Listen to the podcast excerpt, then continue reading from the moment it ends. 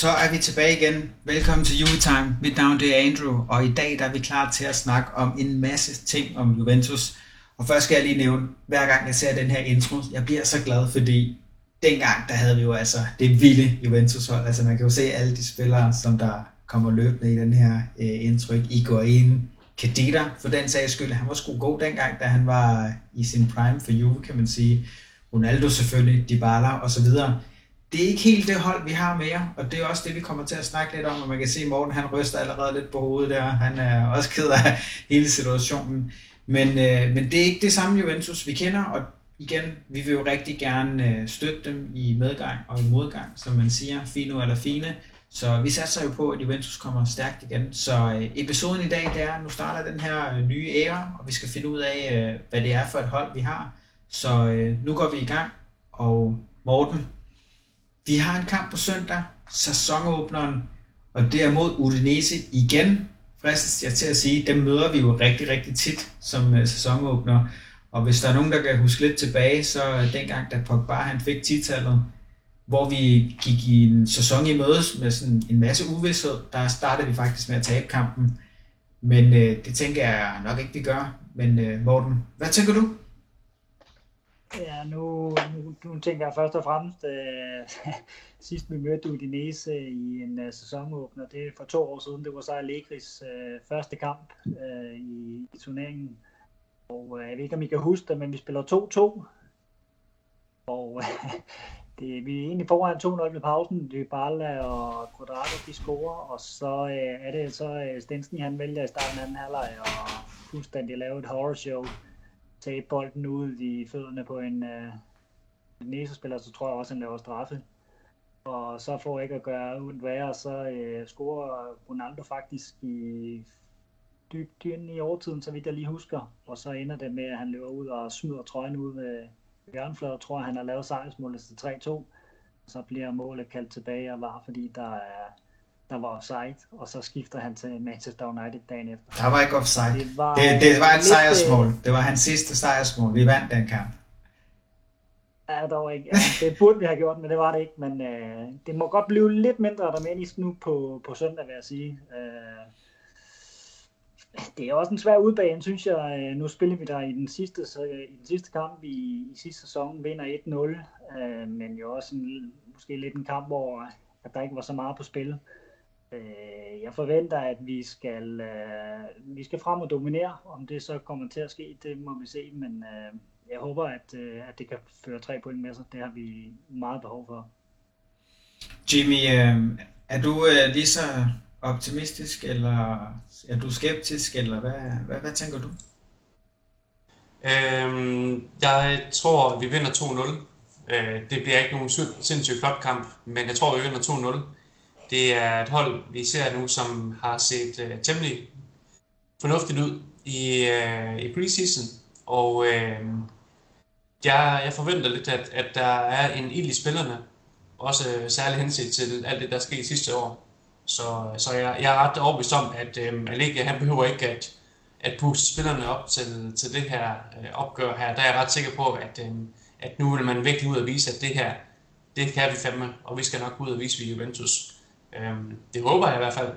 Øh, så, men nu må vi se. Jeg, jeg, jeg er sådan rimelig optimistisk omkring første kamp, men jeg tror som sagt ikke, at vi skal forvente champagnefodbold. Det tror jeg jo ikke, vi skal på noget tidspunkt med, med, med, med den træner, vi har. Men, øh, men, men resultatet, det er jeg nu sikker på, at vi får i den første kamp her. Jeg vil også sige personligt, er egentlig rimelig sikker på, at det nok skal sådan resultatmæssigt blive fornuftigt. Det, i, imod Udinese. Vi har sådan et okay tag på dem. Øh, jeg tror også, vi vandt øh, for tre år siden, vandt vi 2-1, der, hvor Ronaldo scorede to gange i år, eller to gange til sidst i hvert fald. Så egentlig Udinese synes jeg aldrig, vi har de sådan helt store problemer med, men det kan jo være, at jeg ser dum ud på, på søndag aften øh, omkring kl. lidt i 11, når, når jeg sidder og sagt det her nu. Men det er rigtigt, hvad du siger, Jimmy. Jeg tror ikke, vi skal forvente uh, champagnefodbold her i, i starten af, af sæsonen. Så længe at uh, transfervinduet stadigvæk er åbent, så tror jeg, at vi kommer til at spille 3-5-2. Uh, øh, der er noget snak omkring, om vi måske har en, en trup, der kunne gå i retning af 3-4-3. det er ikke noget, jeg forventer, vi kommer til at spille på, på søndag, i hvert fald mod Odinese. Øh, det hold, jeg har skrevet ned på papiret her ved siden af i hvert fald. Det er øh, de gamle, den gamle garde, som, øh, som vi kender den, og det er det, jeg let tror på, at Allegri han, han vægter højst i sådan en, en sæsondebut her. Det er de spillere, han kan stole på, og jeg tror ikke, han som træner vil gå ud og prøve og det, det er ikke ligesom uh, Pirlo, helt unge, uprøvede, som, uh, som smed en Frabotta på banen. Season. Altså, der er alligevel lidt uh, prestige i at komme godt, godt i gang med, med turneringen, og, og spillere, jeg ved godt, de kommer med en masse øh, gå på mod og fanden i voldsked, men øh, der er også noget i at, og, at rutinen og, og de ting, som er blevet indarbejdet fra sidste sæson, og det ved jeg godt, der er nogen, der kan sidde og lidt på hovedet af og grine af. Men der var jo øh, trods alt i, i hvert fald defensivt nogen, noget ballast i holdet, øh, den måde, som man stod på, når, når modstanderen havde bolden, som man kan øh, læne sig op af. Øh, så ved jeg godt, at vi alle sammen, vi, vi gerne kunne tænke os, at der var lidt mere offensivt at, at skyde med. Men det kan være, at det kommer øh, hen ad vejen. Nu hørte du ikke lige mit spørgsmål, men øh, jeg spurgte, du tænker ikke, han er ligesom Pirlo og lige smider en Frabotta, fuldstændig ukendt spiller ind på venstre bak eller et eller andet lignende? Du tror, han tager den sikkert. Men lad os høre det. Lad os prøve at høre dit hold. Hvem tænker du? Jamen, jeg har 3-5-2 øh, øh Stensny på kassen. Øh, der er ikke den store overraskelse der. Så spiller vi med, så tænker jeg, at Bremer han starter i centralt øh, forsvar, og så har jeg Gatti og Danilo på de to backs. Øh, det kunne også godt blive Alexandro på bekostning af, af Gatti, men jeg synes alligevel, at øh, vi er på udebane. Vi vil nok gerne øh, holde nullet, og der synes jeg bare, at Gatti han er en, en mere stabil løsning, end Alexandro er. Hvis nu vi skulle møde en svagere modstander end Udinese, så kunne det godt have givet lidt mening at spille med Alexandro, i og med at han er venstrebenet. Det er mere sådan i forhold til opspil. Det her med, at Danilo han skal spille til venstre for Bremer, han er højrebenet i udgangspunktet. Det, en gang imellem så ser man, at det sætter lidt, øh, lidt grus i maskineriet, når vi skal spille bolden. Men jeg forventer egentlig ikke, at vi kommer til at gå særlig meget op i possession på, på, på søndag mod Udinese. Så jeg tænker mere, at vi vil holde, forsøge at holde nullet, og i den forbindelse, så tror jeg bare, at Garci, han er, han er et mere sikkert valg. Øh, så, så det er mit forsvar.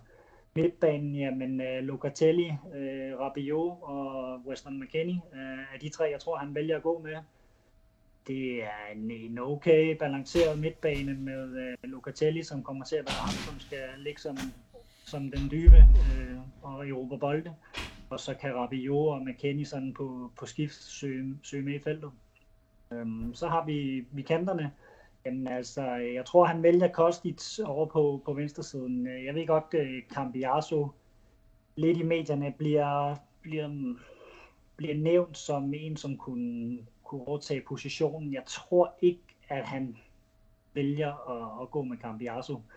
Øh, jeg tror, Kostic alligevel øh, kommer til at tage den, og det er også fordi, vi, jeg har Vlahovic med fremme, øh, og der er alligevel en connection imellem de to, som jeg ikke øh, bare tror, han, han vælger at smide, øh, smide ud med tidvandet. Øh, Kostic, han er lidt en one-trick pony, øh, men, men det han kan, det er han så til gengæld også rigtig god til, og det kunne vi sagtens få, få behov for øh, imod, øh, imod Udinese. Over den anden side, øh, Vea selvfølgelig. Der er ikke så mange andre muligheder, han har sagt, end, øh, end ham. Øh, så, så han skal selvfølgelig øh, spille i højsiden, og det har han gjort øh, rigtig, rigtig godt i, øh, i preseason. Og så øh, Chiesa og Vlaovic øh, helt frem. Og øh, jeg glæder mig rigtig, rigtig meget til at se øh, Chiesa. Han virker, han virker bare tændt. Han, han virker som om, han skal ud og og virkelig vise, at øh, han har været nede i en, i en formnedgang på grund af skaden. Sidste sæson kommer han tilbage, det fungerer ikke helt for ham. Altså det man ser på, på træningsvideoerne, det er, at han bare er mega sulten, og han virker fit, han virker hurtig, han virker sulten og aggressiv. Øh, tror, vi, vi kommer til at opleve Chiesa, øh, altså det kunne, det kunne godt blive øh, årsspiller i Serie A i den kommende sæson. Sige. Ja. Det er også naturligt, at vi kan man sige, at det med, at han kommer tilbage sidste, sidste år og skal, og skal bruge lang tid på at komme i omdrejning igen. Der er både fysiske og mentale aspekter i det, når du kommer tilbage fra sådan en skade. Nogle spillere bliver aldrig nogensinde dem selv igen, og det var noget af det, vi frygtede. Men øh, nu må vi selvfølgelig se, hvad der sker. Jeg tror også, at øh, det der med, at han, skal, han har også haft noget omskoling øh, og omstilling i forhold til at skal være sendt forward. Det er noget nyt for ham. Øh, og jeg ved godt, at han har en fri rolle og også lov til at trække ud på kanterne. Men jeg er enig i, at, at han har set fuldstændig vildt ud øh, i, i, i preseason, og øh, ham kan vi i hvert fald forvente store ting af. I forhold til, til, til dit forsvar, Morten, jeg frygter lidt, at det, det bliver Alexandro, at, det, at han går øh, hvad hedder det, over Brazilian dernede. Og øh, jeg ved simpelthen ikke, hvad det er med Allegri og Alexander, men, men han er, af en eller anden årsag, så er det bare hans mand. Og jeg synes simpelthen, at det er en, han er bare en omvandrende liability, vores, øh, vores øh, brasilianer der. Og øh, jeg ved bare hans videre på trøjen, og der er ikke noget der, man kan ikke sætte, nogen, man kan ikke sætte finger på hans, på hans arbejdsindsats. Men, øh, men for Silvan, man, jeg gad godt også, at man prøvede at få den, den bagkæde til at køre med, med Gatti. Øh, jeg tror også, at Thomas Schmidt Nørgaard, han er lidt inde på det med, at det er som om, at der mangler noget synergi mellem de tre.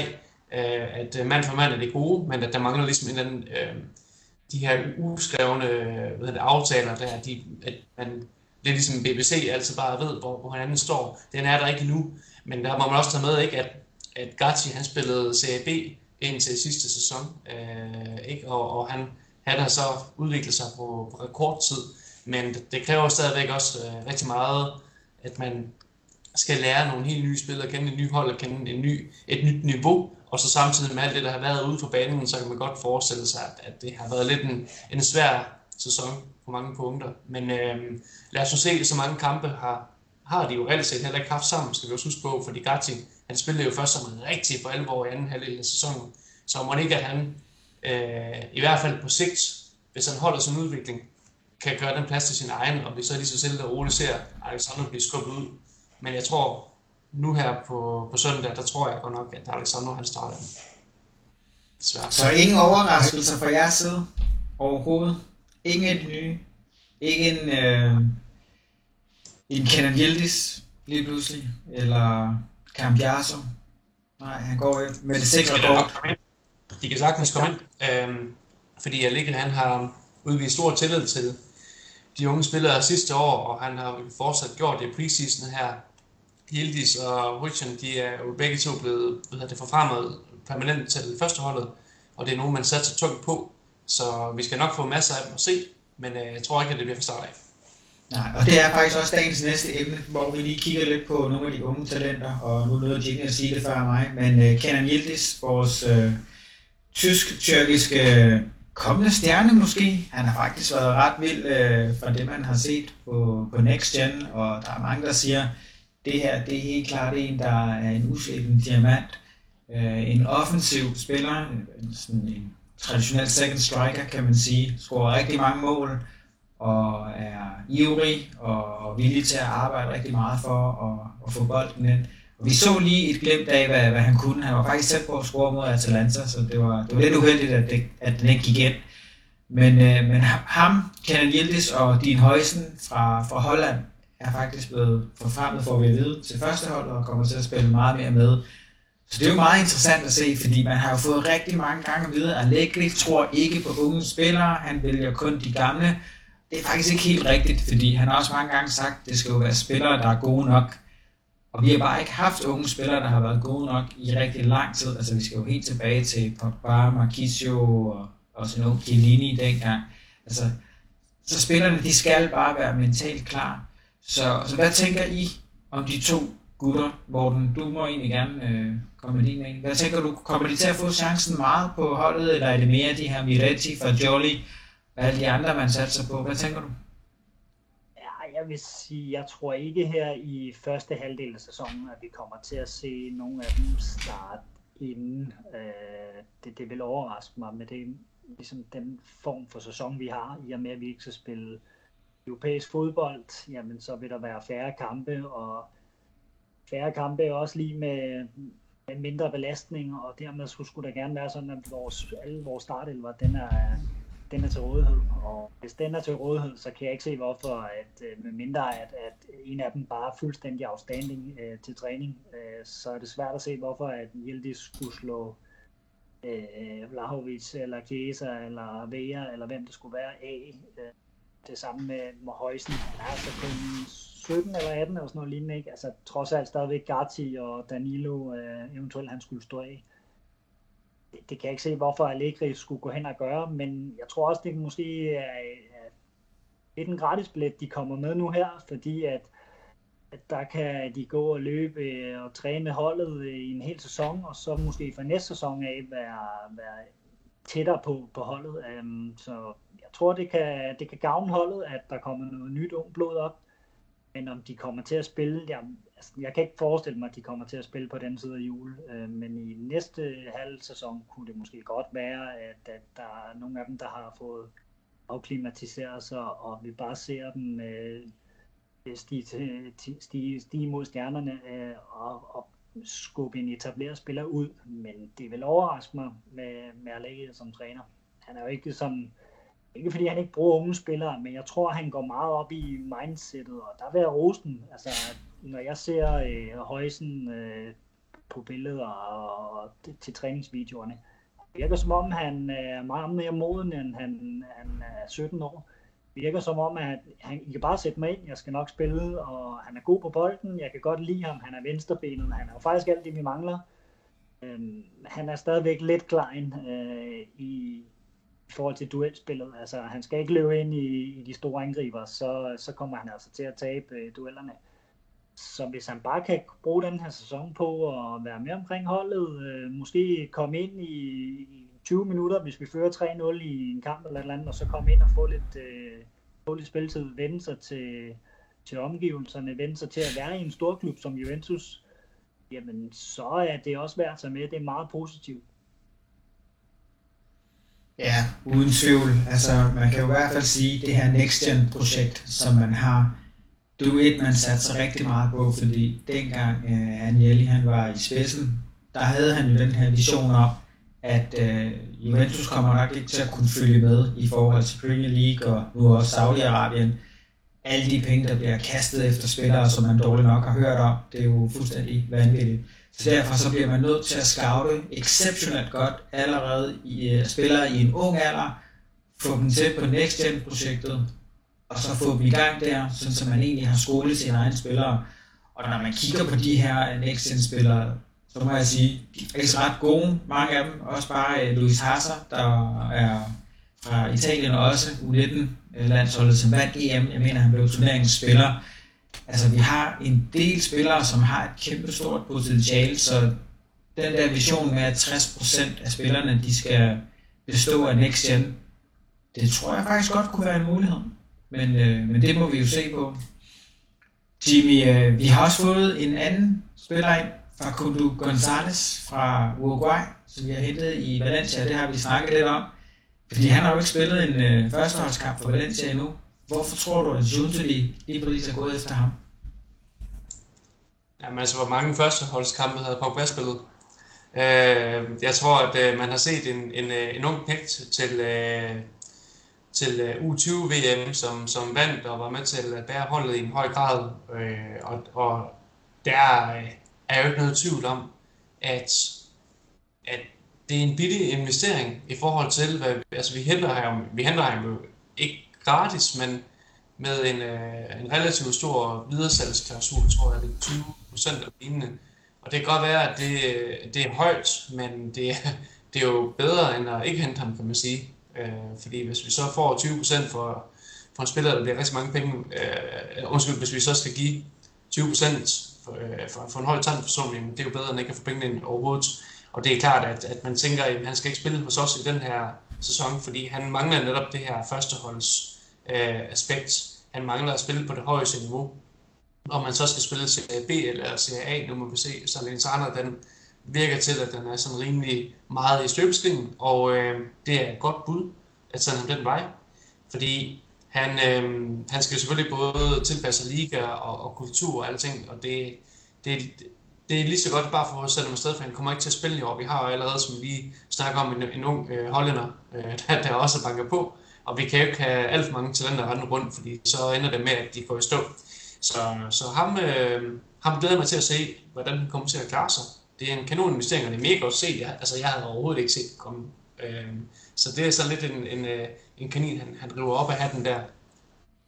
Ja, og det er jo lige præcis det, som øh, Cristiano Schuntuli han er kendt for, ikke? Altså at finde de her udslæbende diamanter i en eller anden lille klub, og så få dem til at blive kæmpe stjerner. Ikke? Altså, og, og det han gjorde for øh, Napoli sidste sæson, det er jo fuldstændig vanvittigt. Altså, det er nogle af deres allerstørste spillere, han skifter ud med fuldstændig ukendte. Altså, man mister Koulibaly. Altså, han var helt klart i en periode top 10 bedste forsvarsspillere i, i verden. Man øh, udskifter en Dries Mertens, som har været så fundamental for holdet.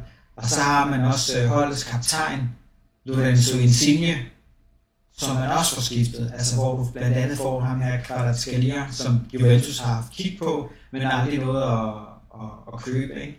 Som har bare brugt fuldstændigt i, igennem og kommet på scenen og været en af de bedste spillere i Serie A. Så, og så er der Kim Jae, faktisk også ham med sydkoreaneren, som de så har mistet til, til Bayern nu, fordi han havde en frikøbsklausul, ikke? så synes vi, han ved, hvad han laver. Han har sit CV på plads. Så øh, der er store forventninger til de her spillere. Det, øh, det er vi slet ikke i tvivl om. Men, øh, det, jeg, synes jo, jeg synes jo faktisk også, at øh, man skal igen, og jeg, jeg ved godt, at, at jeg har sagt det mange gange før, og det er I nok alle sammen ved at være trætte af at høre på det, men, men, men hvis man skal sige en, en god ting om Alika, så er det det her med, at jeg synes faktisk, jeg synes rent faktisk, at han er god til, og har været god til at bruge de unge spillere. Øh, og igen refererer til hans tid i AC Milan, hvor man, hvor man virkelig så øh, nogle, nogle folk, som han fik øh, båret frem, og øh, også i sin, sin første periode i Juventus, øh, der har han jo været med til at lancere Morata og, og, og Dybala, ikke? Og, og, og så fremdeles. Men øh, det er det der med, jeg synes Morten han bringer den her rigtig gode pointe med, at jamen, de skal være klar. Er du god nok, så får du sgu også lov til at spille, men du skal være klar. Pogba, det er jo også Alekta, der har været med til at gøre ham, altså at, at, at skabe ham. Ja, vi hentede kanon, kanon talent for, for Manchester United, men, men altså, han er jo også der er jo grund til, at Pogba han gerne vil skifte tilbage til Juventus, det var fordi, jeg ligger på træner. Så går vi meget træt af ham, det er jeg selv, men, men alt andet lige så har det været det, der var drivkraften i det. Så at vi har en, en en vi, vi havde jo nok sådan måske lidt en forventning om, at når Ginto, øh, hvad det, vores nye sportsdirektør, øh, hvad det, Gintoli, han, han kom til, ville han så stadigvæk have en mand, som vil ligger ved posten. Øh, når, han er, når han er typen, der gerne vil, vil bringe noget nyt, frisk ung kød ind, så, er, den her gamle stok, stok stadig i Selena øh, til træner, han, han så det rigtig, rigtig match. Men det kan faktisk godt være, at, at spilletidsmæssigt, at der ligger de en eller anden sted langt fra hinanden. Øh, I forhold til, hvordan, hvilken ideologi, ideologi man kører efter.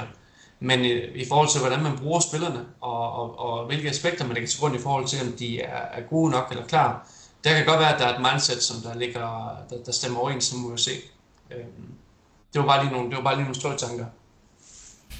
Ja, og det synes jeg også uh, giver god mening. Altså, udover at uh, Schulte henter spillere, så har vi faktisk også bag kulissen fået uh, Marianelli fra Sassuolo, som skulle være den her offensive taktiker. Så uh, hvad tænker vi her? Kommer vi til at se en anden form for Allegri Ball, nu når vi faktisk er gået direkte efter en, der kan finde ud af at spille offensivt øh, fodbold, altså en træner? Tror vi det? Eller holder vi fast i øh, de gamle principper med, at der skal ikke scores imod os? Så Locatelli, han var ude og sige i preseason, at, øh, at i år der fokuserer de mere på possession øh, baseret koncept, men altså det, det, vil, det vil jeg se, før jeg tror det. Øh, det, det, det må jeg skulle sige. Øhm, jeg, jo, det kan sagtens være, at at ikke han har vurderet, okay, vi, vi er faktisk kommet rimelig godt i mål med at få, få sat øh, defensiven, den defensive struktur op, og få banket den mentalitet ind på holdet i, i forhold til, hvordan vi, vi skal løbe der og så videre. Øh, og nu er vi egentlig klar til, at vi begynder at bygge på, men han, altså empirien, empirien viser jo netop, at, at han aldrig rigtig har haft de her øh, possession-baserede konstellationer, så, hvor, hvor han altid har spillet meget mere direkte. Og det kan godt være, at, at han tænker, at hey, det skulle da tid, øh, på tide at forny sig, det kunne da være, det kunne da være dejligt. Og ja, der er der helt klart noget, der taler for det, når man nu henter ham her træneren ind. Øh, jeg tænker bare, hvor lang tid har han været træner? Ham her, gutten her, er det ikke sådan, rimelig, sådan meget for nylig, han er startet med det, eller er det bare mig, der, der, der, har, der er misinformeret? Nej, fordi han er jo tidligere spiller for Sassuolo også, så det er derfor, man kan genkende ja. navnet. det er kun nogle få år siden, at øh, han stoppede. Jeg tror faktisk, han er kun 38. Så, øh... Det er også det, jeg mener. Det er også det, jeg mener. Altså, hvor, hvor, hvor, hvor rutineret er han i sin trænergærning? Hvor klare idéer har han? Er han i stand til at transportere dem? Og er det noget, han er hvad kan man sige, rutineret nok til at kunne overbevise Allegri om, at det er noget, man skal køre med? Det er sådan lidt der, hvis jeg, jeg ved ikke, hvor stor en game changer det er for ham ind. Men altså, hvis det kan være med til at inspirere i, i, en, en positiv retning, så, så er det da fantastisk. Altså jeg lod mærke til at i de tre uh, træningskampe, vi har spillet ind i, i preseason, der er en lille ændring i forhold til måden, vi spiller bolden op øh, fra bagkæden. Øh, nu går vi ned og spiller med kun to mand i bagkæden, så skubber vi wingbacks helt ud. Så vi faktisk spiller 2, 4, 4, altså det, det virker mærkeligt, men jeg så faktisk Brighton i weekenden, de gjorde nøjagtigt det samme, og deres træner, han bliver ros til skyerne, men øh, vi har åbenbart en, øh, en dinosaur på posten. Ej, øh, spøg til side. Jeg tænker også, at Allegri, oven på de to sæsoner, han har haft her, han må jo også på et eller andet tidspunkt gå ind og evaluere på sin egen indsats. Altså, jeg, jeg har den største respekt for ham, og jeg tror virkelig, at han er en klog og fodboldintelligent mand, og jeg tænker også godt, at som du siger, defensiven, den er på plads. Øh, det er ikke fordi, vi lukker mange mål ind. Der var lige en enkelt kamp i Napoli, og så Champions League så heller ikke for godt ud. Som grundlæggende er vi jo ikke et hold, som indkasserer ret meget. Det vil sige også, at basen er egentlig fin nok. Når basen er fin nok, så kan vi begynde at kigge på, at skal spille noget mere øh, bold, og gerne nedefra. Fordi jeg tror også et eller andet sted, at Allegri måske godt kunne være kommet til den konklusion, at vi er også nødt til at kunne noget, helt nedefra. Øh, så kan vi snakke om omkring, om Stensny han er den rigtige målmand øh, og god nok i fødderne. Det kunne jeg godt have min tvivl omkring.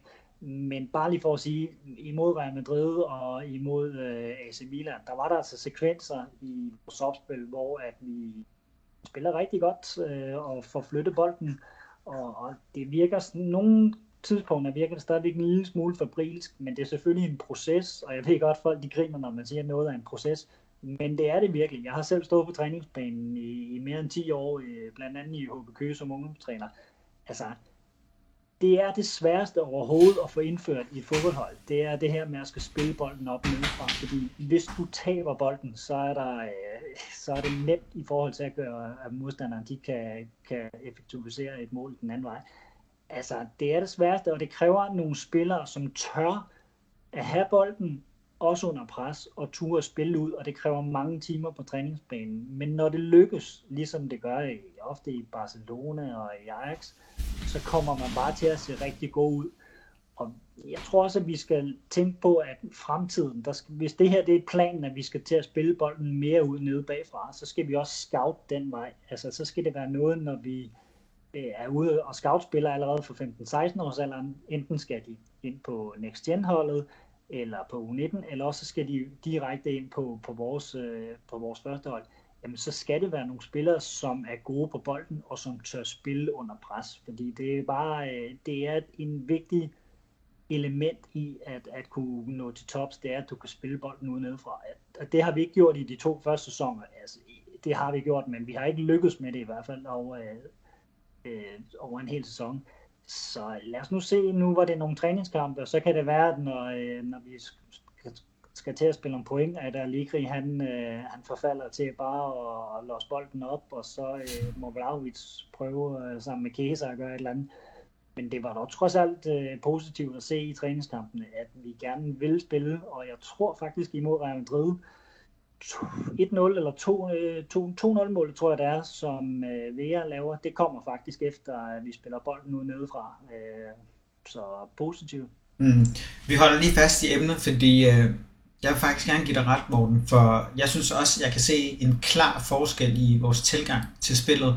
Altså især når vi har to unge øh, wingbacks, som er ekstremt hurtige og kan være med. Altså jeg har jo været meget positivt over øh, George Wares søn, altså Timothy Ware der, han er, altså jeg tror sgu, han er en af sæsonens øh, åbenbaringer, fordi øh, han kan sgu noget med en bold, og nu ved jeg ikke, om vi fik set Atalanta-kampen. Jeg synes, han var klart den bedste spiller fra Juventus. Altså, det er en af de der spillere, hvor man føler, okay, når han har bolden, nu sker der et eller andet. Og, og lige præcis den her Atalanta-kamp, nu har jeg også lagde mærke til, vi har spillet mod Atalanta rigtig mange gange. Jeg ved godt, det er en træningskamp, Men første halvleg, der stiller begge hold super stærkt. Og en ting, som jeg normalt sidder, øh, når jeg ser en kamp mod Atalanta, det er, at de presser jo ret hårdt, og de er altid ved at score.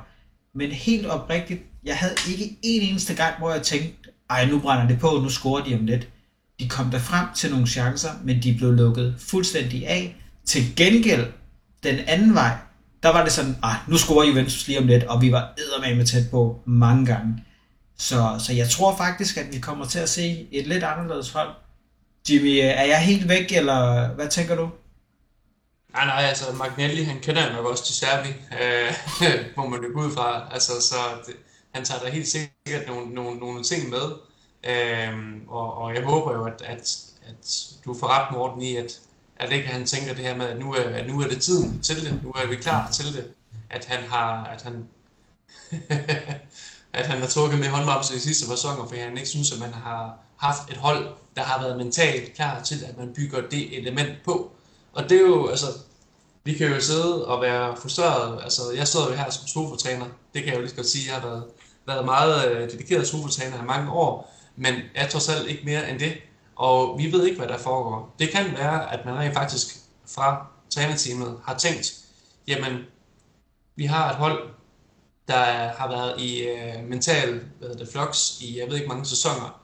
Øh, allerede i sin første stint, der er varslet Allegri, der, har, der er brug for en udrensning på det her hold. Det skete ikke, og han endte jo med at få ret, den gamle idiot. Og øh, det har vi også talt meget om. Men, øh, men, men han er jo nok kommet tilbage nu her, og har måske, igen, nu spekulerer bare, men han har måske vurderet, jamen vi er, ikke, vi er ikke kommet videre, siden jeg var her sidst. Vi er ikke kommet videre. Holdet er stadigvæk ikke øh, mentalt stærkt. Der er, nogle, der, der er nogle dynamikker, der ikke fungerer. Øh, og øh, der har måske været noget, der, skal, der har skulle repareres, som vi ikke helt kan se, før man har vurderet, at nu, nu er vi faktisk klar til at tage det step videre, hvor vi kan gå op og virkelig tage, hvad hedder det, øh, tage tyren med hornene og styre kampene. Der har været for meget, der skulle på plads. Og så efterfølgende, når det mentale aspekt, det begynder sådan at være der nogenlunde, jamen fint, så kan vi få stabiliseret defensiven. Okay, det lykkes. Så må vi se, om der sker noget i år. Og hvis ikke, at, at ikke han vinder noget i år, jamen, så bliver det nok også svært at forsvare at blive ved med at have ham. Og hvis vi ikke ser en spillemæssig udvikling, så er det jo efterhånden decideret alarmerende, fordi så er det jo, så er det jo tre sæsoner, vi ser ind i, hvor der ikke er sket noget som helst. Der skal ske noget nu. Så hvis der sker noget, perfekt, dejligt, og jeg håber det, men det skal også manifestere sig nu. Det kan ikke vente længere, simpelthen. Øhm, så, men vi håber, vi håber, og ja, øh, vi har nogle unge spillere, som kommer ind, hvis vi skal køre den sagt videre. Altså sådan ligesom, som, som, som Timothy Vera, ham, ham drøftede vi lidt sidste gang. Og jeg må jo nok sige, jeg står så lidt, og jeg ser, jeg ser jo nok lidt, uh, lidt dum ud, fordi jeg har, sådan, jeg har nok, jeg har da rost ham og sagt, at han er en teknisk dygtig spiller med en god fysik og, og, og, og, og så videre, men at han nok også var en, der var købt i forhold til, altså, af marketingsmæssige årsager. Men det viser sig måske, at, at, han, at man rent faktisk har set ham her og vurderet, hold nu fast, mand. Der er en uslimmelig diamant, der kunne passe rigtig godt ind i det her koncept. For det gør han. Hold nu fast, hvor har han været god. Altså, jeg, er, jeg, har, jeg har været... Jeg har bare siddet sådan nogle gange i træningskamp og tænkt, hold da kæft, hvad er det for en spiller, vi har købt her? Det skulle da helt vildt. Øhm, og han kom så, ud af det blå jo. Der var ingen, der havde set den komme. Nej, det er jo det. Så, så det kan godt være, det er en af det er Gintolis øh, første sådan rigtig store øh, geni-indkøb, at det er en spiller, som ja, ingen af os rigtig havde forventet noget af, øh, selv efter vi havde set den. Øh, så, så har vi Cambiaso, Øh, ham vil jeg egentlig skal lige nævne. Øh, du havde ham også lidt øh, med i, i starten, Morten, at det er en medierne spekulerer, om han kan starte her på, på søndag. Og øh, jeg havde måske den forventning om, at han godt kunne, altså jeg ved godt, at han kan spille wingback, jeg havde forventet, at han måske kunne komme til at blive udstillet lidt, i forhold til, at han måske ikke er, er sådan helt øh, skræddersyet til den position, men han har også set rigtig, rigtig godt ud til preseason. Så, øh, så, det, så vi har jo fået nogle, nogle, nogle tilgange. Jeg ved godt, Cambiaso, han tæller ikke som køb, men han er alligevel en ny spiller for os, fordi han har ikke spillet for os før. Så, så vi har nogle folk, der, der lige så stille og roligt øh, presser sig på. Og øh, ja, jeg, øh, jeg, jeg, er godt nok, jeg er godt nok spændt på det, må jeg, må jeg nok sige. Han er, han er også en ny, en ny signing, så øh, hvad, hvad han har fået nummer 27. Øh, Var det, hvem fanden var det, der havde det? Var det Paul Celli? Eller var det 28? Nej, det er lige meget. Ej, jeg håber, jeg håber, vi får en ny spændende hvad hedder det, wingback i ham også. Øh, ham har jeg faktisk store forventninger til. Ham får vi nok også at se på søndag på et eller andet tidspunkt, formentlig. Det tror jeg også, vi gør. Man kan også vende om at sige, Jimmy, det, det er også nemt at lade sig rive med, når det var Quadrado og så øh, Kostic, som øh, var de to wingbacks sidste år. Altså alt over, alle andre spillere end Quadrado vil jo stort set være altså et, et frisk pust. Det, jeg synes, Guardado har været en god Juventus-spiller. Han er en fantastisk, øh, en fantastisk gut og god teknik. Ja, han bringer ikke noget fart, og der kan man bare se det mål, han scorer mod øh, Real Madrid, øh, Timothy Weah Jamen altså, der har Quadrado ikke været op. Øh, jeg ved godt, at øh, Moise Keane, han laver et rigtig godt løb, der gør, at han er fuldstændig fri. Og så kan han stort set score uhindret i, i et tomt mål. Men Quadrado har jo ikke ligget deroppe øh, og, og næsten spillet angriber øh, i, i sådan et angreb der. Det havde han ikke. Øh, og i den anden side, Gambiaso, som du siger, altså Kostic, jeg, jeg kan godt lide ham, men han er virkelig god til at slå indlæg, og han kan slå dem på baglinjen, han kan slå dem tidligt, og han øh, laver 35 i hver øh, kamp, og syv af dem, de rammer ind i, i, i, i hovedet på en eller anden angriber, og så kommer der noget af det. Cambiasu virker til at være en spiller, som han kan både spille venstre og højre, han kan spille med venstre og højre ben, det vil sige, at han er langt mere øh, uforudsigelig i sin øh, måde at være på, og han har stadigvæk øh, masser af fart, så han virker, han virker spændende øh, i forhold til, at modstanderne måske ikke ligesom kan... Ja, de ved ikke, hvad han kan, øh, og hvad vej han går. Hvorimod Kostic, altså, du ved bare, at han går mod baglinjen, og på et eller andet tidspunkt, så slår han et, øh, så slår han et indlæg, og så modstanderne finder ud af det jo. Øh, der kan det godt være, at Cambiasso har en, en lille fordel. Nu må vi se, øh, hvad Allegri han øh, vælger at gå med, men lige på, lige på søndag, så tænker jeg dog, Kostic, han har en, en lille forspring, men øh, jeg, jeg vil håbe, at Cambiasso på den lange bane er spilleren, som, øh, som vi vælger at gå med, fordi han er bare, jeg kan godt lide italienske fodboldspillere, så øh, jeg synes ikke, Kostic, altså han er ikke min kop te. Øh, jeg kan godt se, hvorfor vi hentede ham, øh, hvis det var, at vi ville spille med en træ, en træbak nede bagved, og han så skulle ligge på, på vingbakken derude. Men lad os nu se, jeg synes, jeg så, at øh, Nottingham Forest de øh, var interesseret i ham, og det kan jo være, at han, han smutter. Og så er der også en spiller, som vi slet ikke har snakket om i Illing Junior. Han kan jo også uh, lidt det samme. Så uh, vi har faktisk tre på, på venstre vingbak-positionen, som alle tre er gode spillere, synes jeg. Og hvis jeg skulle vælge, så vil jeg da helst af med, med Kostic, og så beholde de to andre. Ja. Kostic, han er også kan man sige. Øh, jeg kan, jo, jeg kan jo rigtig godt lide Kostic, fordi der er ikke ret mange spillere i verden, der kan finde ud af at slå indlæg. altså kontinuerligt gode indlæg. Og øh, det er, det er pisse svært at forsvare sig mod, for du, du ved bare, du er nødt til at have en mand, der render ud til ham. Du er nødt til at have en mand, der går ud, parkerer ham tæt, for han må ikke få lov til at slå et indlæg. For hvis han står indlægget, og du har en, jamen, om det så er Blauwitz, Milik eller Moiskin, så har du tre derinde i, øh, i boksen, øh, bare angriberne så har vi ikke engang nævnt midtbanespillerne endnu. Så det er den her med, at du har en konstant trussel, øh, og du har hele tiden en forsvarsspiller, der, der bliver flyttet ud til kanten, hvor han står, og det skaber også noget rum. Øh, det man godt kan savne med Kostic, synes jeg, det er egentlig, jeg synes egentlig, spillestilen synes jeg er pissefed. Jeg elsker det med, at han bare står indlægget. Øh, han mangler nogle, han mangler nogle gange nogle, øh, nogle ting i sit, sit, sit, sit øh, korte plads til spillet, når, når, når rummet så bliver lukket, og han ikke får, får slået indlægget han så øh, skal spille den videre så der, til, til medspiller. Han mangler nogle gange noget, noget i, de, i de små rum, og noget teknik, som han nok aldrig får, fordi han er, han er den alder, han er, og han får ikke udviklet, han får ikke bygget meget mere på sit spil, end, end han har nu. Øhm, så ja, det er indimensionelt, men det er også pissefarligt. Og der tror jeg så til gengæld, at Cambiaso, han, han, han, han er stadigvæk det her ubeskrevne blad. Jeg glæder mig helt vildt meget til at se ham. Øh, men øh, det er et stort spørgsmålstegn. Det skal vi også nok komme ind på, Andrew. Du, nu skal vi nok lade være med at afbryde øh, uh, tage, hvad det, din, din agenda alt for meget, men, men, men, men det er rigtigt, vi ved ikke, hvor vi står, fordi Elling Junior og, øh, Kostic kan jo begge to ende med at blive, altså, eller en af dem kan ende med at blive solgt, øh, for der er bejler til, til begge spillere lige pt. Så. Ja, lige præcis. Og man kan jo i hvert fald sige, Cambiaso en ting, som Morten ikke fik nævnt, der Cambiasso kan også drible. Altså, det så man også mod Atalanta, at han kan altså godt finde ud af at sætte sin mand Og han er netop den der spiller, der er en moderne wingback, som både kan forsvare og egentlig også være med i det offensive. Og det kan Ware også, fordi hvis man også så Atalanta-kampen, han havde altså nogle gode skud på mål, øh, Timothy Ware, og det er ikke sådan noget, vi normalt så for Quadrado af. Altså det vi så for Quadrado, det er jo det der med, og nu prøver jeg bare lykken udefra, og så sparker han 100 meter over. Altså de der, hvor man bare tænker, hvad fanden laver du? Altså han havde jo mange af de der mærkelige træk til allersidst, hvor man bare blev pisse træt af ham, fordi han, det var som om, han spillede med hovedet under armen. Og, og det er derfor, man blev sur. Du ligner en, der gerne vil ko- kommentere på det, Morten. På Quadrado? Ja.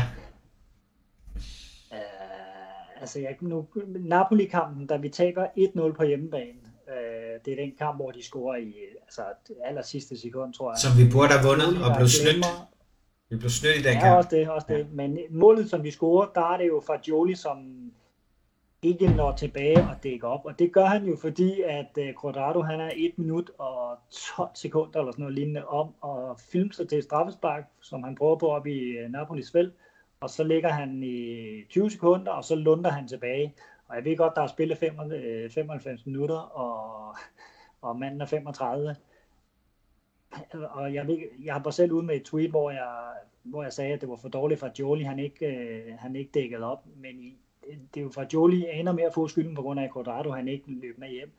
Listen af fejl, som Quadrado lavede, var bare lang, og jeg tror bare, at, at hvis vi kan få Vera ind, og hvis vi kan få Cambiaso ind, så, får vi, så kommer Allega, det er nogle nye våben, han får at arbejde med i den her sæson, i forhold til sidste sæson. Altså Quadrado gik jo ikke forbi nogen i løb. Han var fremragende til at drible fra stående, mm. men rent tempomæssigt, så bidrager han jo ikke med noget. Defensivt var han svag, og han blev tit overløbet. Nu er måske meget hård ved ham, men Kostic den anden vej, nu sagde du, at han var rigtig god, øh, Jimmy, til at slå indlæg, og det er han også. Men det er også lidt, altså hvis vi gerne vil spille mere moderne fodbold, så er indlæg jo, altså de er godt klar over, at indlæg må, gerne må slås i en fodboldkamp, men de vil jo hellere have, at vi ser øh, Iling Junior drible forbi nogen, eller Cambiaso komme i nogle overløb, overlap og så videre. Altså hvis det er fremtiden for Juventus med Cambiaso og Vera, så håber jeg da på, at vi går en, en positiv øh, tid i møde i forhold til Kostic og, og Grodado. Øh, det, må det må jeg da sige. Ja, det man også kan sige om Kostic, det er ikke noget ondt om ham, men han er simpelthen for traditionel. Altså, han er en old school fodboldspiller. Venstre midtbane, det er faktisk det, der er hans rigtige position. Venstre midt. Og den er lidt outdated i moderne fodbold. Der er ikke rigtig nogen, der spiller venstre midt mere. Altså enten som en øh, wingback, eller også som en helt op som uh, inverted uh, left wing. Ikke? Men man spiller ikke rigtig den position mere, og det er også det, som vi har været inde på mange gange han er for forudsigelig, så sådan en, han giver måske mening at sætte ind i en kamp til, øh, til allersidst, hvor at øh, modstanderen ligger dybt tilbage, hvor man bare vil gerne slå en masse indlæg. Ellers så kan man ikke rigtig bruge ham til noget, det så man også i Atalanta-kampen. Man kunne ikke rigtig bruge ham, og, og der var det meget mere sådan, altså lad mig sige det, ophidsende, og så se Cambiaso og, og Wea spille deres måde, fordi det var et andet Juventus, og det er også det, jeg håber, vi holder fast i. Så... Jo flere våben vi kan få i vores offensiv, jo mere uforudsigelige bliver vi, og jo flere strenge får vi at spille på, og jo sværere bliver vi som hold at dæmme op for. Altså, der er jo ikke nogen, der er i tvivl om, at vores modstandere, de ved, når Kostis får bolden, så skal de samle sig ind omkring øh, Moise Kang, eller, eller Vlaovic, eller hvem vi har i angrebet, og så skal de tage nogle dueller øh, mod dem. Mm, fordi Kostis, han slår den. Kostis dribler jo ikke, det er sjældent, vi ser ham drible forbi sin, sin direkte modstander. Fordi han er så god til at slå indlæggene, men hvis nu vi rent faktisk havde en spiller derude i Ling Junior eller i Campiaso, som også kan sætte manden, så er de jo nødt til at trække en af centerforsvarerne sådan i, i hvert fald nogle meter derude af, fordi at der er en chance for, at han skal ud og, og dække op omkring det derude. Altså, vi skal, det skal være mere uforudsigeligt, den offensiv, som vi kommer til at spille med i fremtiden. Altså, hvis, hvis vi kan det, så, øh, så bliver det positivt, og man må sige, at Vea har startet rigtig godt. Øh, bare det, at man i bidrager med fart i 2023, det er jo øh, det er et fuldstændig anden udtryk, som vi kommer til at se. Øh, så må vi så se, øh, hvordan det bliver, men, men jeg er positiv, øh, og det kan være, at øh, når vi snakker sammen om to-tre måneder, at jeg sidder og er negativ, men, men lige nu, så må jeg bare sige, så synes jeg, at vi har et godt hold i forhold til Serie A. Øh, det er ikke et hold, som nogensinde vil komme til at vinde Champions League, men det kan også være ligegyldigt, for vi skal ikke spille det. Men øh, jeg synes, vi har en god startelver. Jeg synes, at øh, det ser fornuftigt ud. Der er, virker til at være en lille øh, movement, øh, i mangel af bedre ord, i gang i forhold til at vil spille noget mere fodbold, kontra det, vi har set Juventus gøre de sidste par sæsoner. Yes, det var ordene om vores øh, wingbacks. Lad os prøve at bevæge os lidt mere ind på, på midtbanen, fordi der sker jo også rigtig mange interessante ting i øjeblikket. Øh, den første, vi lige skal have op og vælge, det er Pogba. Altså, det er mysteriet Pogba, er det blevet til, ikke? Fordi øh, ham har vi bare ventet og ventet på, og jeg ved i hvert fald, Paul og jeg, vi har snakket i flere år nu, om at ham skal vi have tilbage, ham skal vi have tilbage. Vi fik ham endelig sidste år, og vi var bare alle så glade.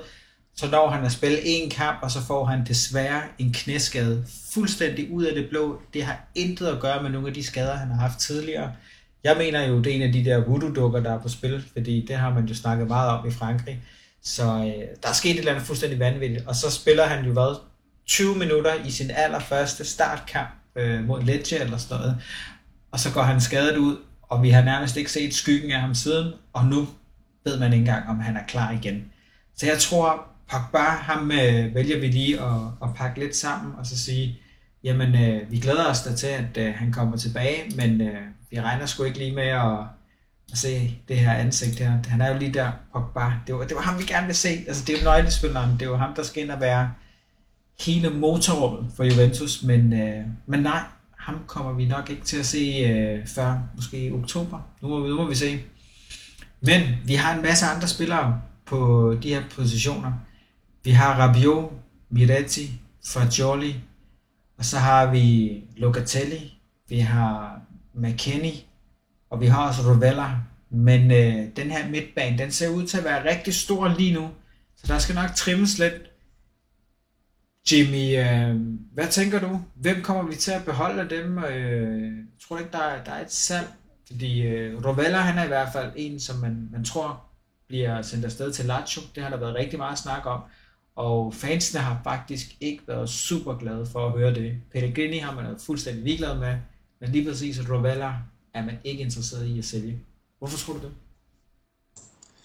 Altså Rovella han er jo en, som vi investerede tungt i i sin tid. Uh, vi gav 26 millioner euro for ham, og uh, man forstår jo godt, fordi når man har set uh, de sidste par sæsoner, der har han været rigtig, rigtig god. Altså han er, han er virkelig bare den her boldsikre register, der kan, der kan operere i de små rum, og lige meget hvor presset han bliver af modstanderen, så er han hovedet koldt, og så får han alligevel sendt bolden afsted med præcision.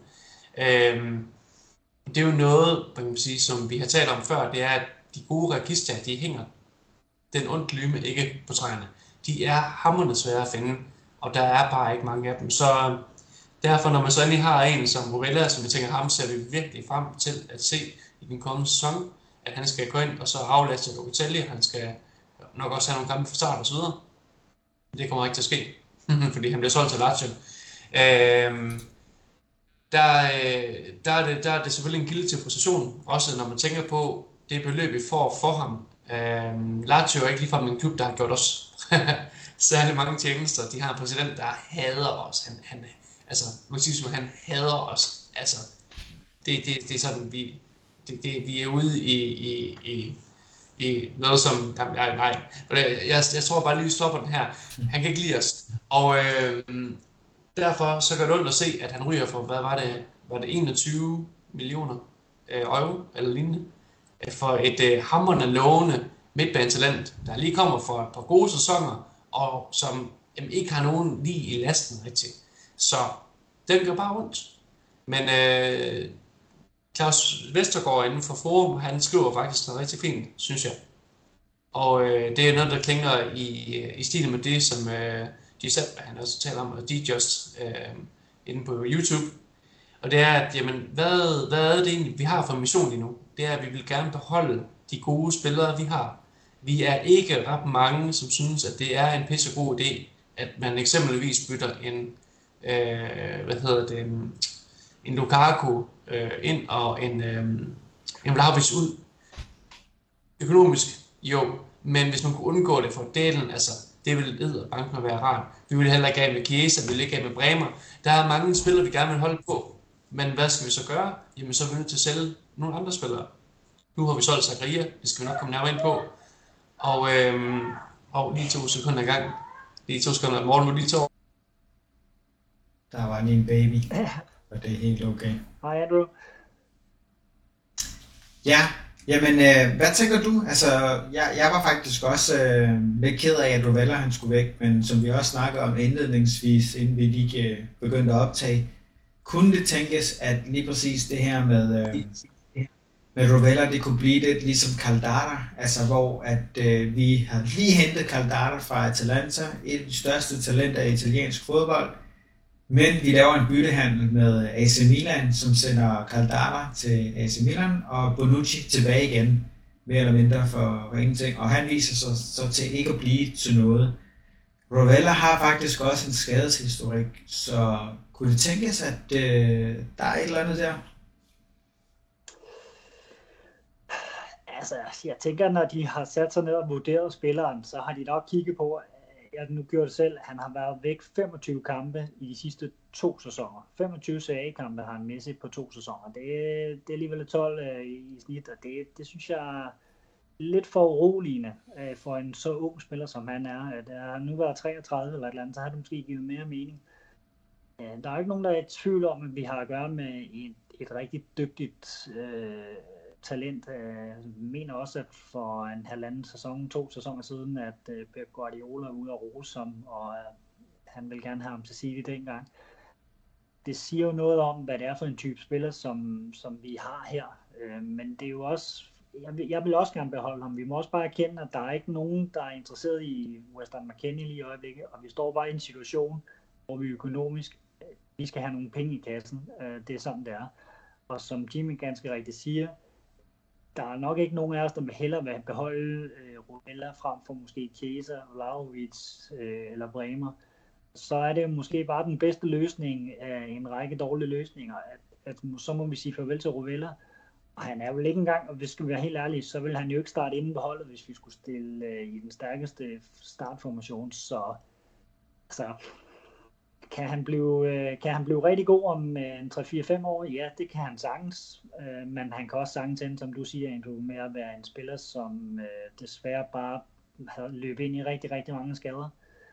Altså, jeg kan ikke, øh, jeg kan ikke sige, hvad, hvad der kommer til at ske. Talent er der. Der er også en skadeshistorik. Øh, kan vi få et 21 millioner euro for ham lige nu og her? Det er så først næste sæson, for jeg tror faktisk, de leger ham, og så skal de først betale næste sæson så er det også penge, som vi bare må sige, vi har hårdt brug for, i og med at vi har lavet en aftale med, øh, med UEFA omkring noget FFP, som løber ud her om to år. Så vi, vi skal bare have, have penge i, i kassen, og der er desværre ikke nogen, der gider købe uh, McKenny eller Hans Nicolucci, Cavilla og hvad de ellers hedder. Så, så på midten, så er det bare, øh, så er det så bare ham, der blevet sortepære, og jeg var også hellere af med ham, end jeg var af med, med Locatelli eller, eller, eller en af de andre. Så ja, desværre af med, med Rovella, men det kan næsten ikke være anderledes. Ja, altså jeg tror også, det er en af de spillere, der er blevet hypet rigtig meget, fordi han netop er italiener. Ikke? Altså det er jo det. Altså folk får jo bare en ekstra kærlighed for spillerne, når det er Juventus og Italien, der, der går hånd i hånd. Så, så jeg tror, han er lidt hyped i forhold til, hvor god han egentlig er. Øh, jeg tror, han er et talent, men jeg tror ikke, at han bliver et top, top talent, ligesom øh, ham her, Matteo Bonetti fra øh, Paramount, øh, får det til at lyde som om, og siger, at det her det er en af de største fejl, som Juventus kommer til at lave, og han bliver så god i, i Lazio. Men jeg er også bekymret for den her skadeshistorik, og jeg tror virkelig, man har sat sig ned og kigget på den del, og så sagt, okay, hvis vi kan få øh, en god skilling for ham, og slipper for at sætte en af de helt store spillere, så gør vi det, fordi han er ikke starter, som I andre også siger. Og så kan det være, at man lurer på nogle andre spillere, fordi der har vi også øh, i vores interne tråd snakket lidt om, man kan vide, hvem man så henter ind, fordi man er jo nok nødt til at hente en ind øh, alligevel på den plads. Og der, der har man snakket om ham, der hedder Habib Diarra, som spiller i, øh, over, hvor han spiller et eller andet sted i Frankrig som også kunne være et kæmpestort øh, talent, som kunne være en af de her Schunteli genistreger.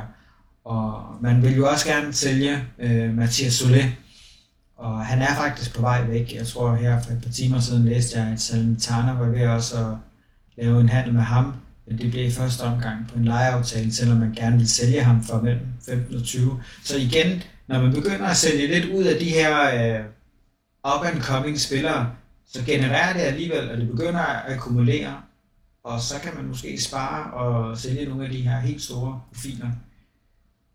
Så øh, men, men hvad tænker I? Ser vi flere ankomster eller afgange i sigte? Fordi øh, vinduet det er jo langt fra lukket. Der er jo stadig to uger endnu. Der meget kan ske. Jamen Morten, du, startede, du spurgte jo faktisk mig lige inden vi gik i gang. Beklager, jeg er tilbage igen. Øh, du spurgte jo mig lige inden, uh, inden vi gik i gang. med Hvad så, Jimmy? Hvad tænker du om Berardi?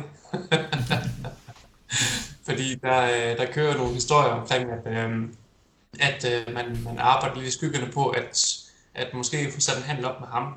Øh, så det, det, altså han er jo en, en potentiel ankomst, som vil dog vil afhænge af, at man får solgt nogle andre spillere, og her taler vi øh, Kostic nok særligt. Øh, hvis man henter en Berardi til, til holdet, så vil det, så vil det foretage et formationsskifte. Og øh, der kunne det godt være, at man ville gå over til enten 4-3-3, men også som Morten siger, en, øh, en 3-4-3. Og øh, en 3-4-3, der vil man stadigvæk godt kunne holde på en mand som, som Kostic. Men øh, spiller man øh, 4-3-3, så vil man jo sige, jamen okay, så har man Chiesa, Berardi og Vlahovic foran. Og man vil også godt kunne bruge en mand som Billing Junior på sin mere naturlige position. Øh, men altså, jeg ved sgu ikke helt. Jeg, jeg må nok ærligt om, at øh, jeg, jeg er jo ikke en helt stor fan af Barati, det har vi også talt om i tidligere podcast omkring de mentale aspekter med, at bliver han nogensinde klar til at kunne spille i en, en topklub? Det kan jeg godt være tvivlsom omkring, og særligt på baggrund af hans egen udsagn. Han er 29 år gammel, og han har ikke været vant til at spille på det højeste plan altså, jamen, i hele hans karriere, nærmest ud over CA, ja, men Champions League, nej.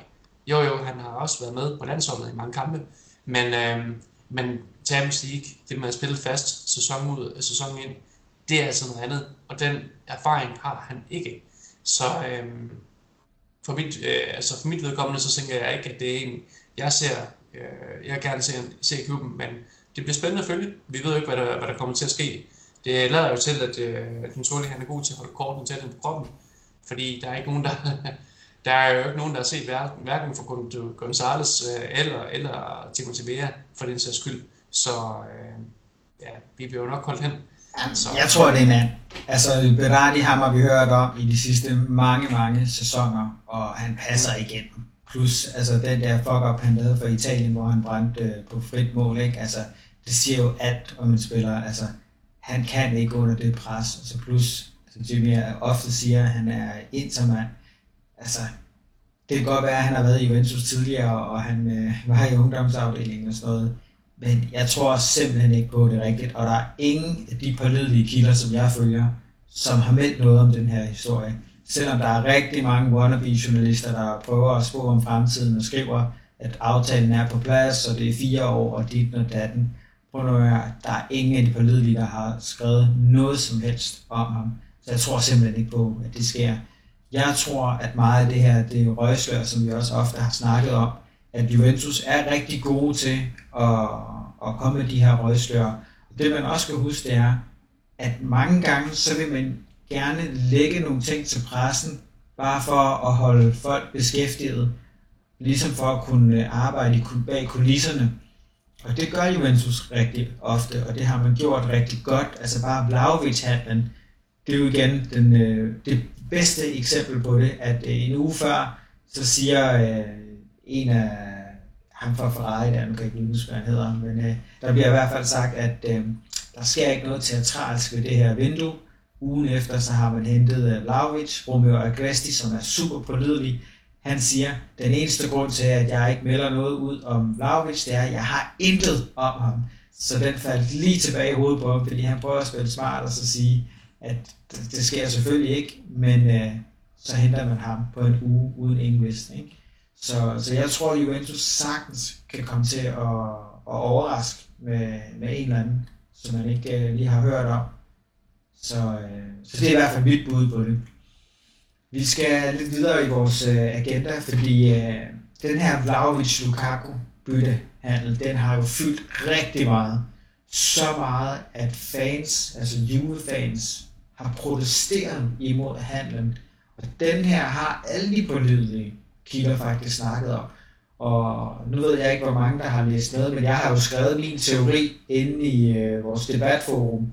Kan vide, om det her det hele er bare røgslør i forhold til, hvad Juventus gerne vil have ud af det. At øh, mission nummer et, det er for pur øh, aftalen mellem Inter og, og Lukaku.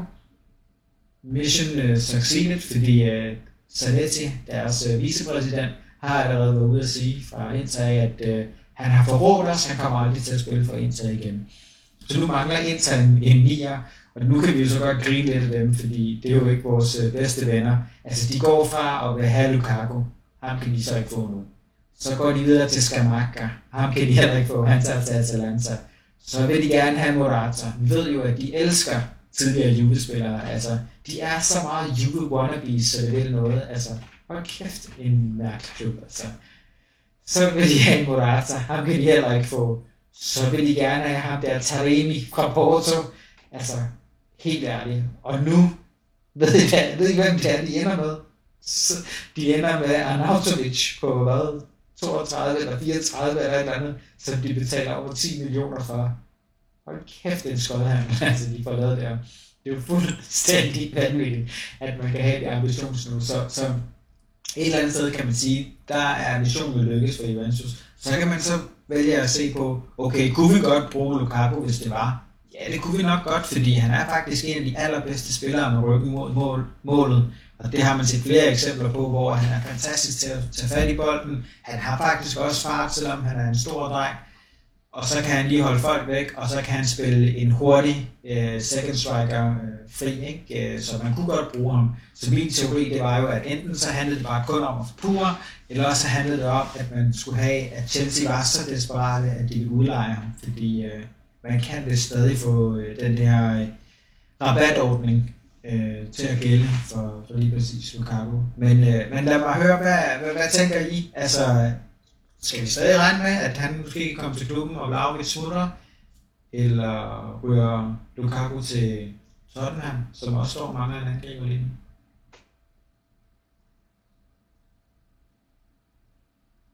Jeg tror simpelthen ikke, at vi ser ham. Øhm, min, altså, min, min oprindelige teori var også det her med, at det må fandme være et røgstør. Det kan jo ikke mening, at man, at man, at man henter ham til osv. osv., osv så begyndte jeg nok efterhånden at være sådan lidt vaklende, fordi der er godt nok meget røg. Øh, og det kan også være, at, at man simpelthen har valgt at sige fra, fra Tuntolis side, at jamen, vi investerer faktisk en hel del i, ja, der selvfølgelig har der været snakket med Lukaku, selvfølgelig har der været snakket om ham og hans agent, og du vil jo aldrig nogensinde få, få Gentole øh, Company til at indrømme, at, at det har været et røvstør, fordi de har jo reelt set i så fald siddet og spildt en professionel atlets tid i, i allerhøjeste grad ved at sige, ja, hey, kunne du tænke dig at komme og spille for os? Jeg ved jeg selvfølgelig ikke, hvordan snakken er gået og så videre. Men det vil jo, det vil jo gøre det så lidt, øh, det vil, det, hvis man gik ud og, og var åben omkring det, så ville det selvfølgelig gøre, at man ikke kunne have øh, i fremtiden sagt med andre spillere, man gerne vil hente ind. Fordi der er ikke nogen, der vil holde for på den måde. Men jeg kunne godt have en tanke om, at det rent faktisk er det, man har gjort. Og at hente ham til nu, når man beholder Vlahovic, øh, det vil jeg godt have svært ved at se, fordi der er andre pladser på, på holdet, hvor man, man kan sige, der, hvor, hvor man nok så hellere vil investere, forestiller mig i hvert fald. Så nej, jeg tænker ikke, at man, med, jeg tænker, at, jeg tænker ikke, at vi ser et, øh, et Juventus-mandskab med både Lukaku og, og, og Vlahovic særlig hensigt til, at så vil vi også igen skulle skifte formation, for du vil ikke spille med dem begge to på, på samme tid. Og der er så ikke en af dem, der skal sidde på bænken. Især ikke i en sæson, hvor vi kun spiller sig af. Fordi vi har en Federico Chiesa, som altså også skal spille næsten alle kampene. Øh, I hvert fald så mange han kan. Så nej, Lukaku han kommer sgu ikke. Det kan jeg simpelthen ikke forestille mig. Det er også derfor, at der er så meget i den her handel, der ikke giver mening. Ikke? Altså, hvor man bare tænker, hvad fanden er det, der, der, der sker her?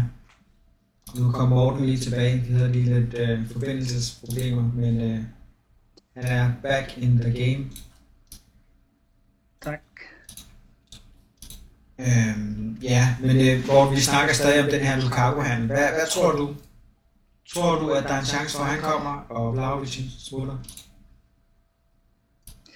Øh, jeg er ret sikker på, at Vlahovic ikke smutter. Det, det vil virke mærkeligt efterhånden, synes jeg. Øh, men vi kunne måske godt ende med at, at hente Lukaku på et billigt lån. Jeg synes bare, at vi har allerede købt øh, Keane og, og Milik den sæson. Jeg tror endnu, jeg tror også, det er røgslør, som du siger, Andrew. Jeg tror ikke, vi kommer til at hente uh, Lukaku. Det, jeg, jeg tænker stadigvæk, at, at Saudi-Arabien eller Tottenham, som, som lige har solgt Kane, det er nok destinationen for ham. Uh, rent lønmæssigt vil det heller ikke give meget mening både at have uh, Dusan Vlaovic og Lukaku. Uh, det er to løntunge spillere, og så ved jeg godt, der kunne være noget, noget skattefordel og sådan nogle ting på, på Lukaku, men det er stadigvæk øh, 11, 12, 13 millioner euro eller sådan noget lignende om året, vi skulle betale for dem. Og det, det, det er ikke den øh, situation, vi står i økonomisk lige i øjeblikket, at vi skal have to op i, i det niveau, når vi samtidig har Pogba, som vi betaler 10 til, 10 millioner euro, som, øh, som ikke spiller. Altså, jeg kan godt se, at Lukaku kunne blive en god spiller for os. Det, han er en, en udmærket spiller, det er slet ikke det. Men Nej, jeg, jeg, tror, at øh, jeg tror ikke, han kommer, det må jeg sige. Nej, og så er det jo også bare sjovt i sidste ende, at øh, lige så snart Juventus ringer, så vil enhver spiller komme. Og igen, det her, det var altså en af de mest loyale interspillere. Og den er jo 100% god nok. Det er jo rigtigt, at der har været en dialog mellem Lukakus agent og Juventus, hvor der var altså gensidig interesse og det er jo bare fedt. Altså igen, at den der lorteklub der i øh, Milano. Jeres mest loyale spiller, som øh, erklærer kærligheden til jer. Lige så snart Juventus ringer, så er han på vej til Torino. Så, øh, så igen, jeg synes bare, der er mange fede aspekter øh, i, i, i den her historie, om vi får ham eller ej. Han ryger i hvert fald ikke til Inter. Men også en af grundene til, at jeg ikke tror på, at Lukaku kommer, det er også en, nu i sidste afsnit, øh, så sagde jeg, at Vlahovic, han kunne nok godt ryge til, til PSG. De har lige uh, hentet uh, Ramos i Benfica, mener det er. Ja. Altså, jeg er lidt svært ved at se, hvor Vlahovic efterhånden skulle ryge hen, fordi i Bayern München bliver det i hvert fald ikke nu. Uh, Tottenham, de skal ikke spille Champions League, så gider Vlahovic overhovedet tage til Tottenham. Uh, de har pengene, det har de, men, men gider han det?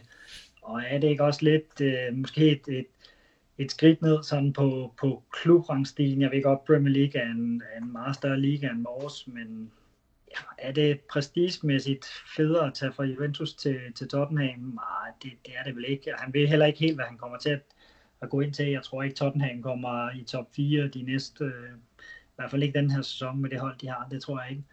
Så hvorfor skal han måske tage væk? Altså, jeg tror egentlig, han virker til at have det godt hos os, øh, og, og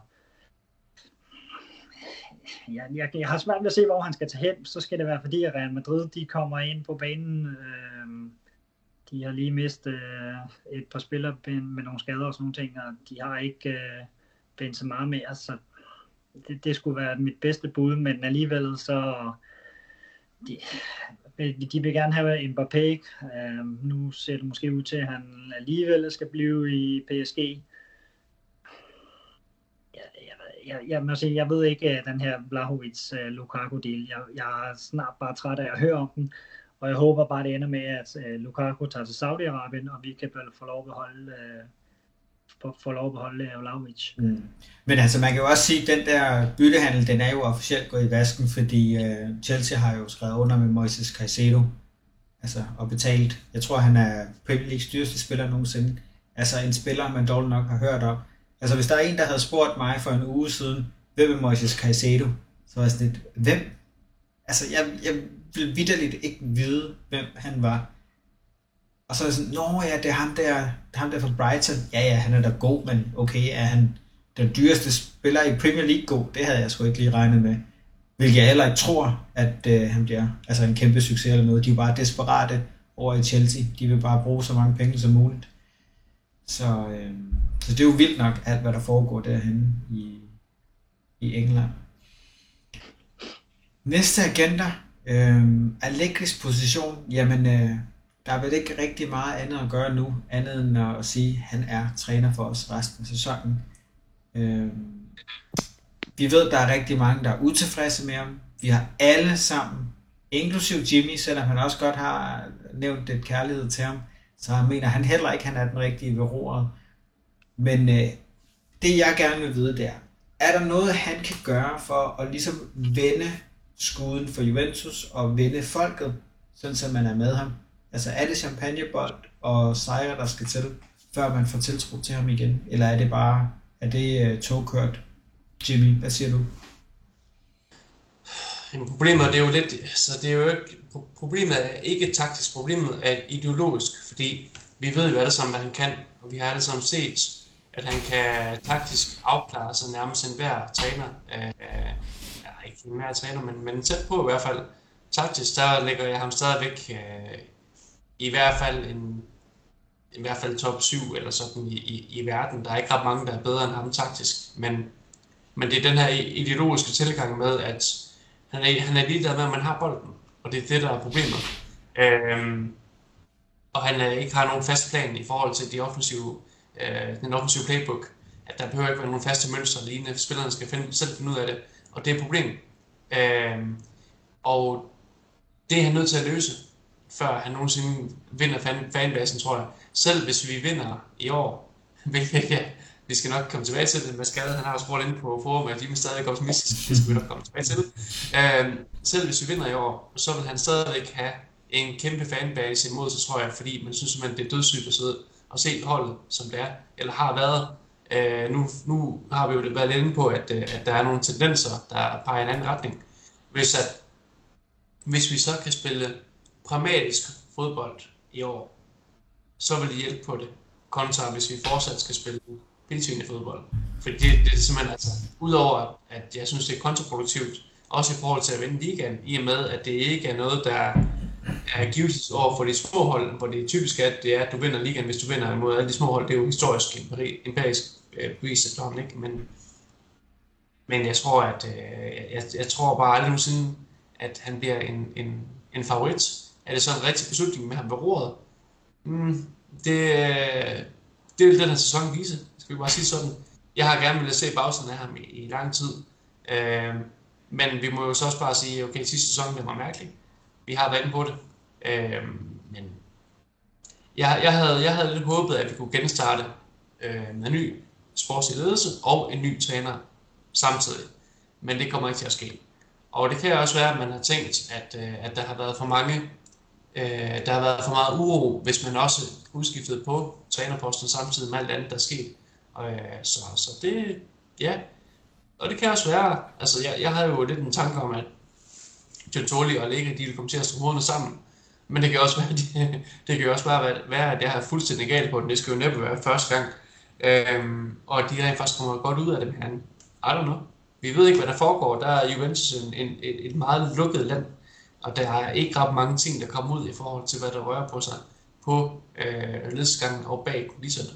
Så ja, det er nogle, altså, det, det, er han rigtig... Mm. Jeg tror, jeg, jeg tror stadigvæk at vi vinder i år. jeg har stadig en, en idé om det. Øh, du har altså, altid ret, Jimmy. Du har altid ret. Sandt ikke. Og gudskelov. Øh, men, men, men altså, man uanset hvad, så, så det er den her mangel på fornyelse og manglende vilje til fornyelse, der dræber øh, holdets øh, udvikling. Altså den her stagnering, vi har været vidne til. Og igen, som vi taler om først her i podcasten, det kan også være, at man simpelthen bare har vurderet, at vi er bare ikke klar til at spille den slags fodbold. Og, på, og det er ikke, ikke på grund af de tekniske facetter, men simpelthen på grund af nogle, nogle mentale aspekter. Så fint.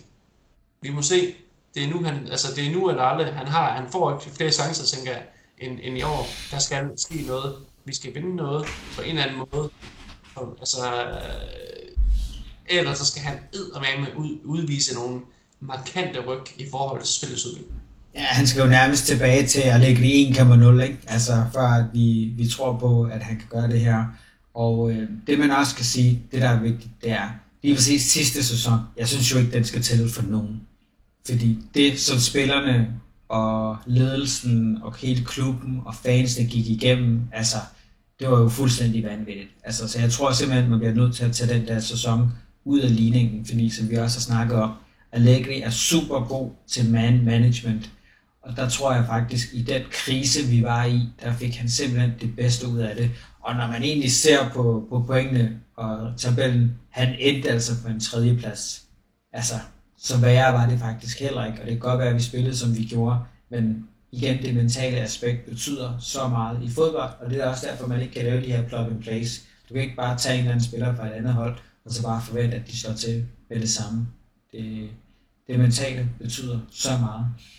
Inden vi øh, tager temperaturen og skal til at snakke om, om hvad vi stadig tror på med, med hensyn til Juventus og forventningerne til sæsonen, så tager vi lige nogle spørgsmål. Så øh, lad os lige tage det første her inden for vores forum. Det er Christian Poulsen, der spørger. Og der spørger han faktisk ind til øh, Allegris taktik i forhold til midtbanen. Altså, han mener, at Zakaria ikke rigtig fik chancen øh, i hans optik. Det mener jeg egentlig også det var meget lidt, vi så til ham, og lige pludselig får vi at vide, at han skal udlejes til Chelsea, så var det lidt, what? Hvad skete der lige der? Er der noget, som vi ikke ved noget om? Og nu har han faktisk så til Monaco, så han er ude. Så har vi øh, McKenny, og der skriver han, at han kan faktisk godt øh, lide McKenny, og han har det okay med, at der er nogle berøringsfejl og sådan noget. Netop fordi han er en, der, der scorer. Så, øh, så hvad tænker I sådan taktikken der på midtbanen kommer til at blive her til den øh, kommende sæson? Vil du have lov, Morten? Hvad, hvad mener du med, hvad taktikken bliver i forhold til øh, i forhold til spil eller i forhold til salg? Jeg tror i forhold til spil, altså hvordan man vil bruge midtbanespillerne. Er det sådan en i boksen og midtbanespillere, der skal score og, og så videre? Ja, altså vi, er, vi kommer ligegyldigt næsten hvad vi i systemet kommer til at spille, så vil vi jo spille med tre, øh, tre centrale, hvor jeg tænker, at Locatelli han er den, der skal ligge og rydde op, og det vil så frigøre to andre til at skulle, skulle med i boksen. Øh, jeg tror, at jeg synes egentlig, Rabiot, øh, han har ofte været meget skældt ud. Jeg synes, han var vores bedste spiller sidste sæson. Og jeg håber virkelig, at han kan, øh, kan holde niveauet øh, i, i den kommende sæson. Jeg synes, han har været... Jeg tror også, han kom på, på årets hold i sag, gjorde han ikke? Jo, altså man kan sige, Rabiot, han mangler måske, han mangler måske lidt det her, det her øh, den her sikkerhed i passingsspillet. Han er ofte meget tøvende, øh, og han, han, man ser er til, at der er nogle spillere, der tager et løb, hvor han kigger op, ser løbet, og så kigger han nærmest ned igen og siger, den er sgu for svær, hvem kan jeg ellers spille den til? Øh, og det, det er også det, hvor, hvor vi har det samme problem med McKinney, med han er en motor, og han kan score mål, og ja, altså man kan sige rigtig mange gode ting om, om ham, men den tekniske kunden i forhold til hans, hans afleveringer, i, altså, og, altså bare passespillet generelt, der mangler han også rigtig, rigtig meget. Og ja, vi har en, en mand nede foran forsvaret i Locatelli, der godt kan finde ud af at slå afleveringen, og han er efterhånden udviklet sig til en god sekser, i og med at han, han, han fylder faktisk godt, han, han er blevet, blevet fint defensiv, Øh, men, men vi har bare ikke den der mand, vi har ikke den der Pogba, som, øh, som ligger på den der Mazzara, hvor vi, hvor vi har set, når han har spillet, i de ganske få minutter, han har spillet, der har holdet bare et helt andet udtryk. Øh, og det er der, hvor jamen, vi har en box, vi har to box-box spillere i Rabiot, i McKenny, så har vi Fagioli, som øh, lige småskadet nu her, som måske kan lidt mere på bolden og kan så de gode afleveringer, Øh, men, men den der som rigtig gode, helesøgte playmaker inden centralt, den, den kommer vi nok til at undvære, indtil Pogba han kommer tur. Med mindre, at sådan som Yildiz kommer til at få mange minutter, og det stemmer overens med det, man har set til, til, i, i træningsrapporten med, at han bliver brugt som sådan en frirolle med Salah. Det er sgu sikkert, det kommer til at ske. Det kan være, det med, øh, at, at Liga han bare har testet. Øhm, han har fysikken til det, han kan sagtens spille inden central, øh, fordi han er en stor dreng, men det vil kræve en omskoling. Og det er igen, han er en ungdomsspiller. Så, så nej, jeg tror, øh, jeg tror Morten, han ind, du er inde på det rigtige med, at øh, vi har en, øh, vi har en Rabiot, vi har en Kenny, de starter nok ind mod Nisse, de kommer til at være box-to-box spillere, ligesom vi kender dem, og så bliver taktikken på midten, at vi skal have bolden hurtigt frem til vores øh, frirolle center forward, Chiesa, og så har vi to wingbacks, der skal være med til at skabe noget bredde, hvor de kan lave noget gennem, gennemsagskraft, enten en til en eller via indlæg ude på kanterne. Så et meget direkte spil. Så må, ja, så må vi selvfølgelig se, om det holder stik, men ja, det er i hvert fald bud herfra. Altså, vi har også en god mellemrumspiller i, i Fabio Meretti. Uh, nu snakker vi om det sidste jo, uh, og flytter ham ud på kanten. Ja, det, det ved jeg ikke. Øh, der er ikke rigtig, når vi spiller 3-5-2, så bliver det i hvert fald svært at flytte ham nogen steder hen anden end, som øh, med Salah.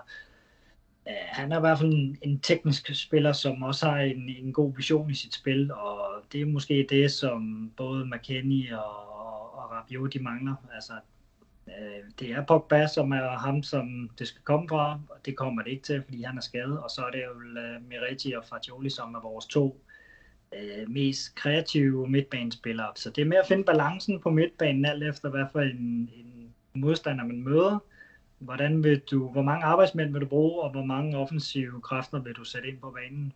Øh, skal vi på hjemmebane mod en, en lidt mild modstander, jamen, så kunne det godt være, at øh, vi skulle skulle spille med Fagioli og måske også Miretti, øh, så er det nødvendigvis ikke sikkert, at, at Locatelli han, øh, er nødvendig. Så kan vi rykke Rabiot ned som, som register. Men øh, ja, der er mange muligheder, alt efter hvordan du vil spille kortene. Øh, der er også en, du kan også bare smide øh, så Rabiot, Locatelli og McKinney, så får du en arbejdsmidtbane, hvor alle tre kan både takle og løbe og gå på hovedet og sådan ting. Så rent taktisk, så, så synes jeg egentlig, at midtbanen har øh, forskellige udtryk, alt efter øh, hvad for en modstander vi skal møde, og hvad det er, vi gerne vil. Øhm, jeg kan, vi kan bare håbe på, at Jolie, når han kommer tilbage fra sin øh, skulderskade, at han er, er lige så brandvarm, som han var sidste sæson, så øh, kunne jeg godt forestille mig, at han øh, tager endnu et nyk op af i forhold til at blive sådan en publikumsdarling. Ja, så har vi det næste spørgsmål. Det er fra Claus Vestergaard. Vi har været inde på nogle af tingene, men han spørger faktisk øh, direkte ind til øh, hovedskavten fra Napoli. Er Shuntuli interesseret i at hente ham? Altså er der hold i det? Er der nogen af jer, der ved det? Det er ikke noget, jeg lige har lagt mærke til. Hmm, jeg har ikke lige hørt noget. Altså, jeg tror umiddelbart, at, at øh, De Laurentiis, han, han vil næppe afgive mere til os, end han, end han allerede har gjort. Øh, så skal det være, fordi der står en, en, en medarbejder og virkelig banker på døren og siger, jeg vil ud, jeg vil væk, jeg vil, jeg vil gerne prøve noget andet. Øh, ellers så, så, så tror jeg, at der er en kontakt, som han, han sætter op i fjeset på vedkommende og siger, du bliver bare her. Øh, nu har vi fået vores, øh, vores sportsdirektør, og De Laurentiis, han har gjort alt, hvad han kunne for at forhindre det. Øh, jeg tror, at der bliver, ikke, der bliver i hvert fald ikke givet ved dørene. Så, så hvis der er nogle ting, der skal gå op i noget høj, høj enhed, hvis vi skal have CF-scouten derovre for os, tænker jeg umiddelbart. Det vil, være, det vil selvfølgelig være fantastisk, men jeg, jeg tror sgu ikke, det er noget, der kommer til at ske. Ja, så man skal jo aldrig sige aldrig, ikke? fordi lige snart Juventus øh, banker på døren, så kommer alle løbende til. Ikke? Altså man kan jo se Schunsoli, der har været i Napoli i 8 år, der er altså rygter om, at vi allerede havde en mundtlig aftale med ham i september sidste år. Altså, så, det er, så han har allerede vidst, i, at det der det vil blive den sidste sæson i, i Napoli, og selvfølgelig har han arbejdet bag kulisserne. Det, han har da også været inde over det med Magnanelli, med at vi skal have ham med, fordi man ved jo, han var jo potterpande med Spalletti, og Spalletti kom jo lige pludselig ud af det blå og spillede sprudlende fodbold. Altså, det overrasker mig også lidt. Altså, der må vi da også gerne være ærlige her. Spalletti har været en elendig træner alle steder, han har været hvor er det, han har været? Han har været i Inter, Roma og, og så videre. Han har sgu ikke vundet noget uh, specielt. Og så, ah, han var god i Fiorentina. Ja, Udinese var han også okay. Ja, men igen, han har jo ikke vundet noget jo, på det her niveau. Altså, nej, nej, men derfor kan du godt være en god træner. Jo. Det er rigtigt, men på det her niveau, som han viste sidste sæson, der var han jo en af de bedste i Europa. Altså, Napoli var jo et frygtindgydende hold. De tævede os 5-1. Altså, man har aldrig set Spalletti være så god. Så jeg tvivler lidt på, om det kun er Spalletti, eller om det ikke er nogle af de andre også, der trækker i trådene, som har fået ham i den retning. Men det får vi jo se, hvis han nu bliver træner for Italien, om han kan gøre kunsten øh, efter. Øh, og det næste, der også blev spurgt ind til, det var det her med Magnanelli, om øh, at han får ansvar for det offensive, om, øh, om, om vi kommer til at se det. Det synes jeg, vi har været lidt inde på. Og, og jeg tror, vi alle tre var enige om, at vi tror, vi kommer til at se øh, et andet udtryk fra Juventus. Det er i hvert fald det, som træningskampe viser. Altså, det har jo været en, egentlig en succesfuld træningsturné, kan man sige. Vi har jo ikke tabt overhovedet. Vi har jo slået Real Madrid 3-1. Det er ikke bare noget, øh, man altid gør. Jeg ved godt, det er en træningskamp, men det er stadig, en, øh, det er stadig godt mentalt, kan man sige. Øhm, ja, så bliver der spurgt ind til øh, ja, forventningerne. Det, det bliver der spurgt ind til. Så skal vi tage en runde, hvor at, øh, Jimmy han får lov til at starte med, hvad er din forventning til sæsonen? Top 4? Hvad siger temperaturen? Jamen, altså, jeg tror... Åh, oh, det er svært. Jeg, øh, jeg, jeg tror stadigvæk, at, jeg tror stadigvæk, at vi vinder. Øhm, Inter har ikke haft en prangende øh, hvad hedder det, øhm, transfersæson. Jeg er lidt bange for, hvad Rovella kan gøre for Lazio med øh, Sarri ved roret, fordi han ville godt være en, en spiller, som Sarri ville kunne omforme til en, øh, en spiller, der er lige så hvad hedder det, teknisk god i passingsspillet som Coutinho. Men øh, udover det, så mangler de selvfølgelig bredden. Så, og de spiller, de spiller Champions League igen, så vil de husker. Øh, så det, den, den, den kommunicerer for bøvl, men jeg tror ikke, at Lazio de er i, i contention til ligaen for alvor. Roma, de laver nogle gode handler, særligt deres midtbane, der er de så hentet Paredes. Ja, han var jo god sidste år, men de har også hentet Ruben Neves og fået skibet gamle Matic af. De laver nogle interessante ting. Og... De har også hentet din yndling, ham du altid har spurgt til, skulle komme til Juventus. Hosem Awar. Ja, ja, ja, det er ved at være nogle år for sent efterhånden. Han er også, han er også spændende, og han er, om hold nu fast, han er, han er godt nok en, en dygtig tekniker. Men, men jo, de, de har lavet nogle gode, øh, nogle gode aktioner på transfermarkedet. Øhm, ja, og de har også bare en, en stor træner, må vi jo sige. Øh, altså Milan, dem er stadigvæk sådan et, ja, de, de, de har hentet mange, mange sådan spændende spillere ind, men ikke noget, hvor jeg sådan tænker, wow, det er bare, det er bare nogen, der kan brage igennem. Øh, så Loftus Cheek, det er ikke lige en, der får øh, det til at kilde de rigtige steder, eller? Nej, nej. Altså, de har, de har så nogen, som også har været meget skadesplade, og nogen, der har haft deres virkelig sådan svingende øh, up, up and, ups and downs. Øh, og det, det, der, er ikke, der er ikke noget af det, som de har hentet, hvor jeg tænker, det er the sure thing. Øh, det kan godt være, der er par af dem, som kommer hen og bliver rigtig gode, men, men det, det, det, er, det er gamble. Så nej, altså Milan, de, de, de hænger sådan lidt i en, i en tynd tråd. De har holdt fast i træneren og det hele. Jeg tror bare ikke, de vinder i år. Jeg, jeg ser lidt, jeg ser lidt det her med, at vi ikke skal spille øh, europæisk øh, som en fordel selv, hvis man virkelig gerne vil ind og lave et, et nyt taktisk islet. At vi ikke skal, altså hvis det er nu, man virkelig gerne vil gøre det, så har der aldrig været et bedre tidspunkt til det for at ligge. Altså igen det her med, at han skal med levere, fordi han har alle muligheder for at få gennembanket de nye koncepter, hvis de er der, ind i holdet, fordi de har så mange, mere, mange, mange flere træningssage end de andre hold. Øh, og med det, altså det, det hold, vi har, den kvalitet, vi har på holdet, hvis han kan finde ud af at få sat det i scene, og det ikke bare bliver en betonmidtbane, hvor man siger, at vi, øh, vi spiller med Rabiot og McKennie hver, hver kamp, men man rent faktisk prøver for at side og sige, vi bruger også nogen, der rent faktisk kender med bolden, Fajoli eksempelvis, eller lignende, jamen, så kan vi godt gå hen og få et spændende år, og så tror jeg rent faktisk, at vi vinder. Ja, altså man kan sige, det er nu eller aldrig med de forudsætninger, man har, fordi vi vil stadig ikke kunne vinde Champions League. Europa League, den fuckede vi op i semifinalen, hvor Di Maria, han øh, brænder den der kæmpe chance, som kunne have, i hvert fald have afgjort meget af kampen, kan man sige. Øhm, vi har faktisk... Jeg har jo en, ja. Der er flashback, Andrew, kan man sige, fra, altså vi havde, øh, vi fik jo Antonio Conte i et år, hvor vi, hvor, hvor vi heller ikke skulle spille Champions League, og han skulle genindføre, eller han, undskyld, han skulle indføre sit spilkoncept, og havde tiden til det. Mm. Øh, og vi ved jo godt, hvordan det endte. Det kan jo være, at vi ser ind i en sæson nu, hvor at, at der er nogle ting, som nogle taktiske elementer, som man ikke har mener holdet er klar til at få tilført. Det, det var også invincible season, ikke? Jo. jo. Ja, lige for at alle er helt med, at det var det, der skete. Jeg skulle lige tage den. Ja. Det, det. Øh, vi har faktisk lidt flere spørgsmål, kan jeg se øh, i den anden tråd, vi har. Vi har forskellige tråde, hvor der er blevet spurgt ind, og dem skal vi selvfølgelig også lige hurtigt have med. Og Mads Gade, han spørger ind til øh, Pogba og rygterne til Saudi, øh, om der er hold i dem. Altså, det var der til at starte med. Øh, Pogba, han er jo muslim, så derfor har han været i Saudi-Arabien mange gange, men det har så været med, med en anden agenda, kan man sige.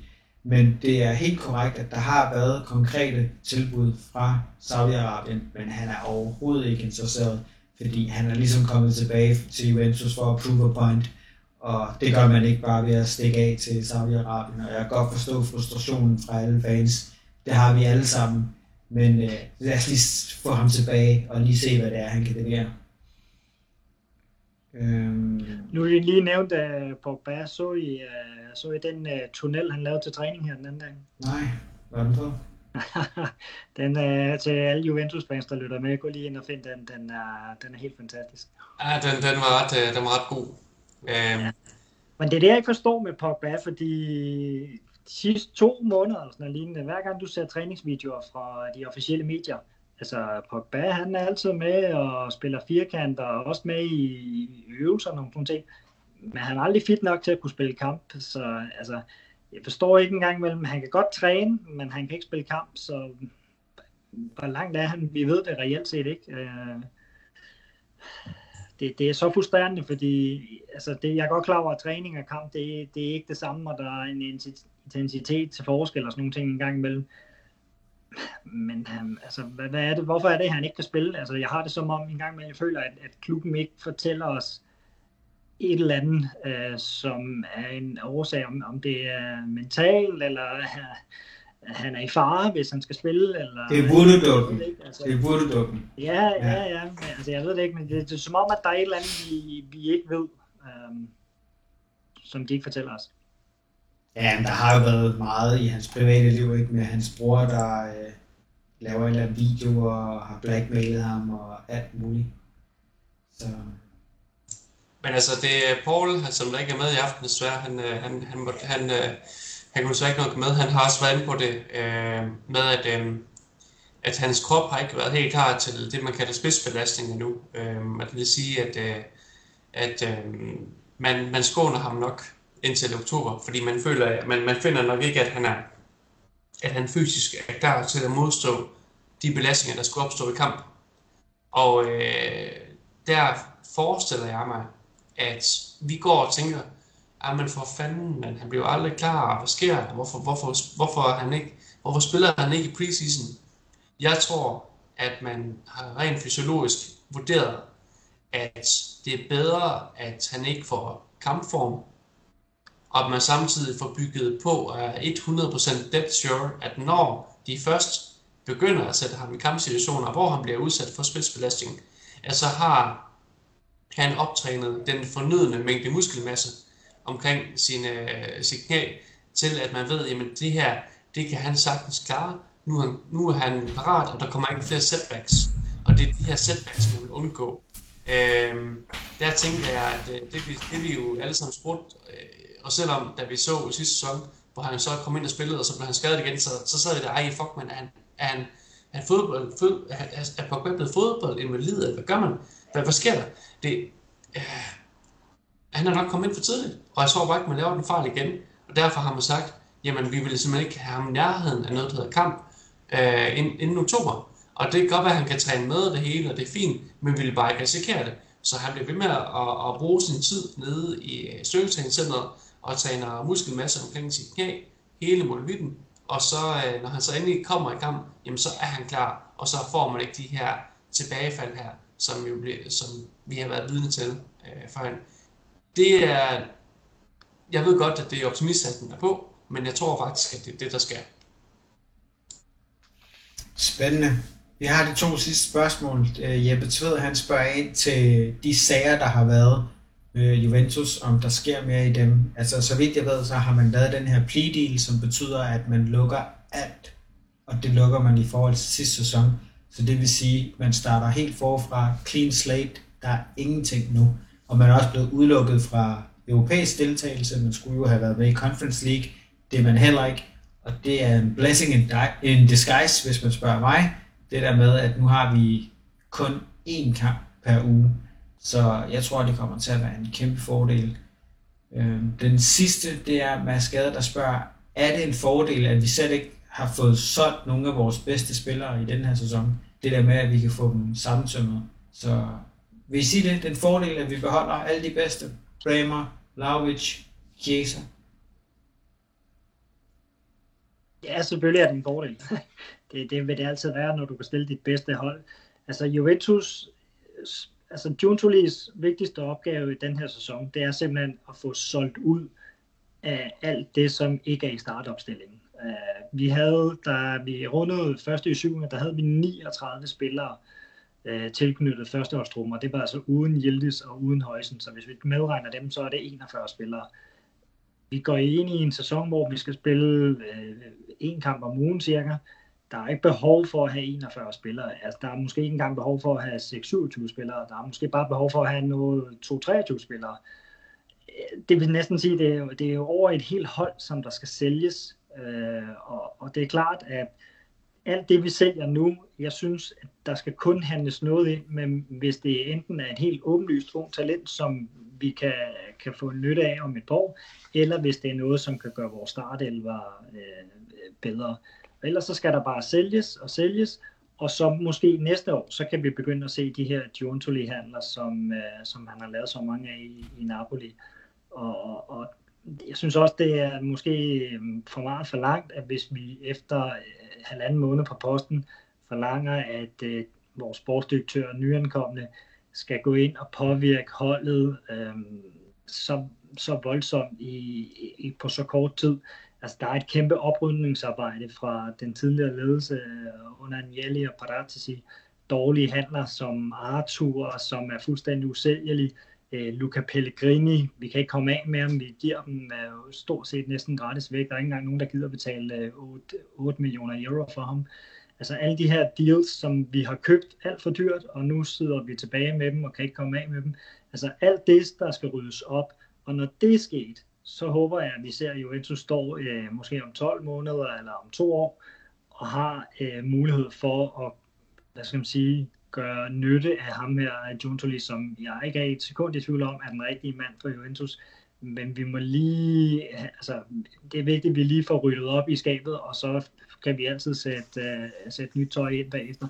Altså, vi er nødt til lige at få, få solgt ud, og så kan vi købe ind stille og roligt derfra. Og der tror jeg, at vi kommer til at se nogle af de her handler med spillere, som, som vi ikke kender, som øh, uh, John Tully har været kendt for i Napoli. Jeg synes, jeg vil gerne lige så, øh, i stedet for noget af det, du, du lige sagde, Morten, og det er noget, som er, det er sådan, det er lidt blevet sagt, og det er også blevet skrevet omkring, men du sagde det på en rigtig, rigtig god måde, som det måske ikke er blevet sagt før, og det er, at man er simpelthen blevet sat i verden for at beskytte startopstillingen. Den stærkeste elver. At det er den, vi skal beskytte. Og, øh, og det er jeg sådan set hammerne ind i, fordi selv hvis vi så sælger Chiesa, Blahovic eller Bremer eller lignende, pengene vil ikke blive geninvesteret. De vil blive brugt til at dække et, år, et, et underskud. Så, så vi vil, ja, vi vil måske godt kunne købe et eller andet ind, men det vil aldrig nogensinde være tilsvarende kvalitativt i forhold til den spiller, vi går af med. Og hvad, hvad, hvad, hvad, hvad vil vi så skulle gøre? Jamen, så vil vi skulle sætte en, en, en, en, en B-liner ind i forhold til Chiesa, eller Vlahovic, eller, eller Bremer, eller Locatelli, eller hvem det nu var, og, og, og så håb på, at det går. Men det er jo langt fra sikkert. Så, så derfor, ja, det er pisse ærgerligt, at vi går i med Rovella. Det er hammerne, hammerne træls. Men der er bare ikke andet at gøre lige nu. Men, vores, vores gode ven Frederik Buster, han sagde også, det er, at øh, i forhold til alt det her, det er dyrt at være færdig. Ja, det er pisse dyrt at være færdig, men det er bare den situation, vi står i. Og øh, ja, debarking-mæssigt, der kom vi godt ud af det i forhold til de der sager, som vi har været involveret i osv. Men det er stadigvæk, øh, en, øh, vi er stadigvæk øh, uh, stuck between a rock and a hard place, i og med at vi har nogle FFP-målsætninger, uh, vi skal indfri. Og det er bare ikke lige sådan til. Så, uh, så, så nej, jeg synes, det er indtil videre godt gået af, af ledelsen med, at vi får sat nogle spillere afsted, og øh, vi får ikke solgt det hele nu og her, men det er også bare fordi, vi står i en, øh, en pisseringe forhandlingssituation hver eneste gang, vi sætter os til bordet, fordi man ved, at vi har, vi har ikke nogen penge, og vi er pisket til at sælge. Og hellere sælge måske lidt billigere, eller lave en lejeaftale med en købs, hvad hedder det, obligation, ikke en, en, en, ikke, ikke en, en potentiel, hvad hedder det, ikke en potentiel, øh, hvad, eller købs, hvad hedder det, mulighed, men, men en obligation. Det er bare stadig ikke et, et, et salg, og det, det kommer vi heller ikke til at se, og det er fordi, vi står bare pisse dårligt, på grund af, at vi har et oprydningsarbejde øh, for tidligere af, som vi stadigvæk skal, skal håndtere. Så. Ja. Mm. Og det arbejde, det består jo også i, at få solgt så meget ud, uden at få gjort øh, holdet dårligere, kan man sige. Altså det er en balancegang. Altså, der er nogle budgetter, der skal, skal nedjusteres. Lønnen er for høj, omkostningerne er for store, men det må ikke, vi må ikke få dem så langt ned, så det rent faktisk øh, bliver et dårligere fodboldhold. Øh, men selvfølgelig, det er klart, kommer der et bud på 105 millioner euro eller et eller andet på Vlaovic, så står Juventus i en situation, hvor vi ikke kan tillade os at sige nej, det er klart. Men øh, lad os nu se. Den eneste spiller, som jeg tror måske vi kunne finde på at sælge i, i startopstillingen, det kunne være Stensny, hvis der kommer et, øh, et, et, et tilbud øh, han er også en af de løntunge, så det vil give god mening, og så ved jeg ikke, hvad vi kan få ham. Det er måske nå 10-12 millioner euro. Men, Øh. Lige præcis. Og det må næsten være ordene for i aften, fordi det er blevet til endnu en rigtig god øh, lang snak om Juventus, øh, og vi er forbi overtiden, så dommeren han er nødt til at fløjte af og sige øh, tak for nu. Morten og Jimmy, tusind tak for i dag, og at I vil være med endnu en gang. Og på søndag, så går det jo løs. Sæsonen starter. Det kan være, at der er nogen, der skal se uh, CA starte dagen før, men uh, vores kamp, den starter 2045 i uh, Udine, så vi prøver at følge op på kampen i den næste podcast. Tusind tak. Fortsat god aften. Et tak, og lige måde. Hej.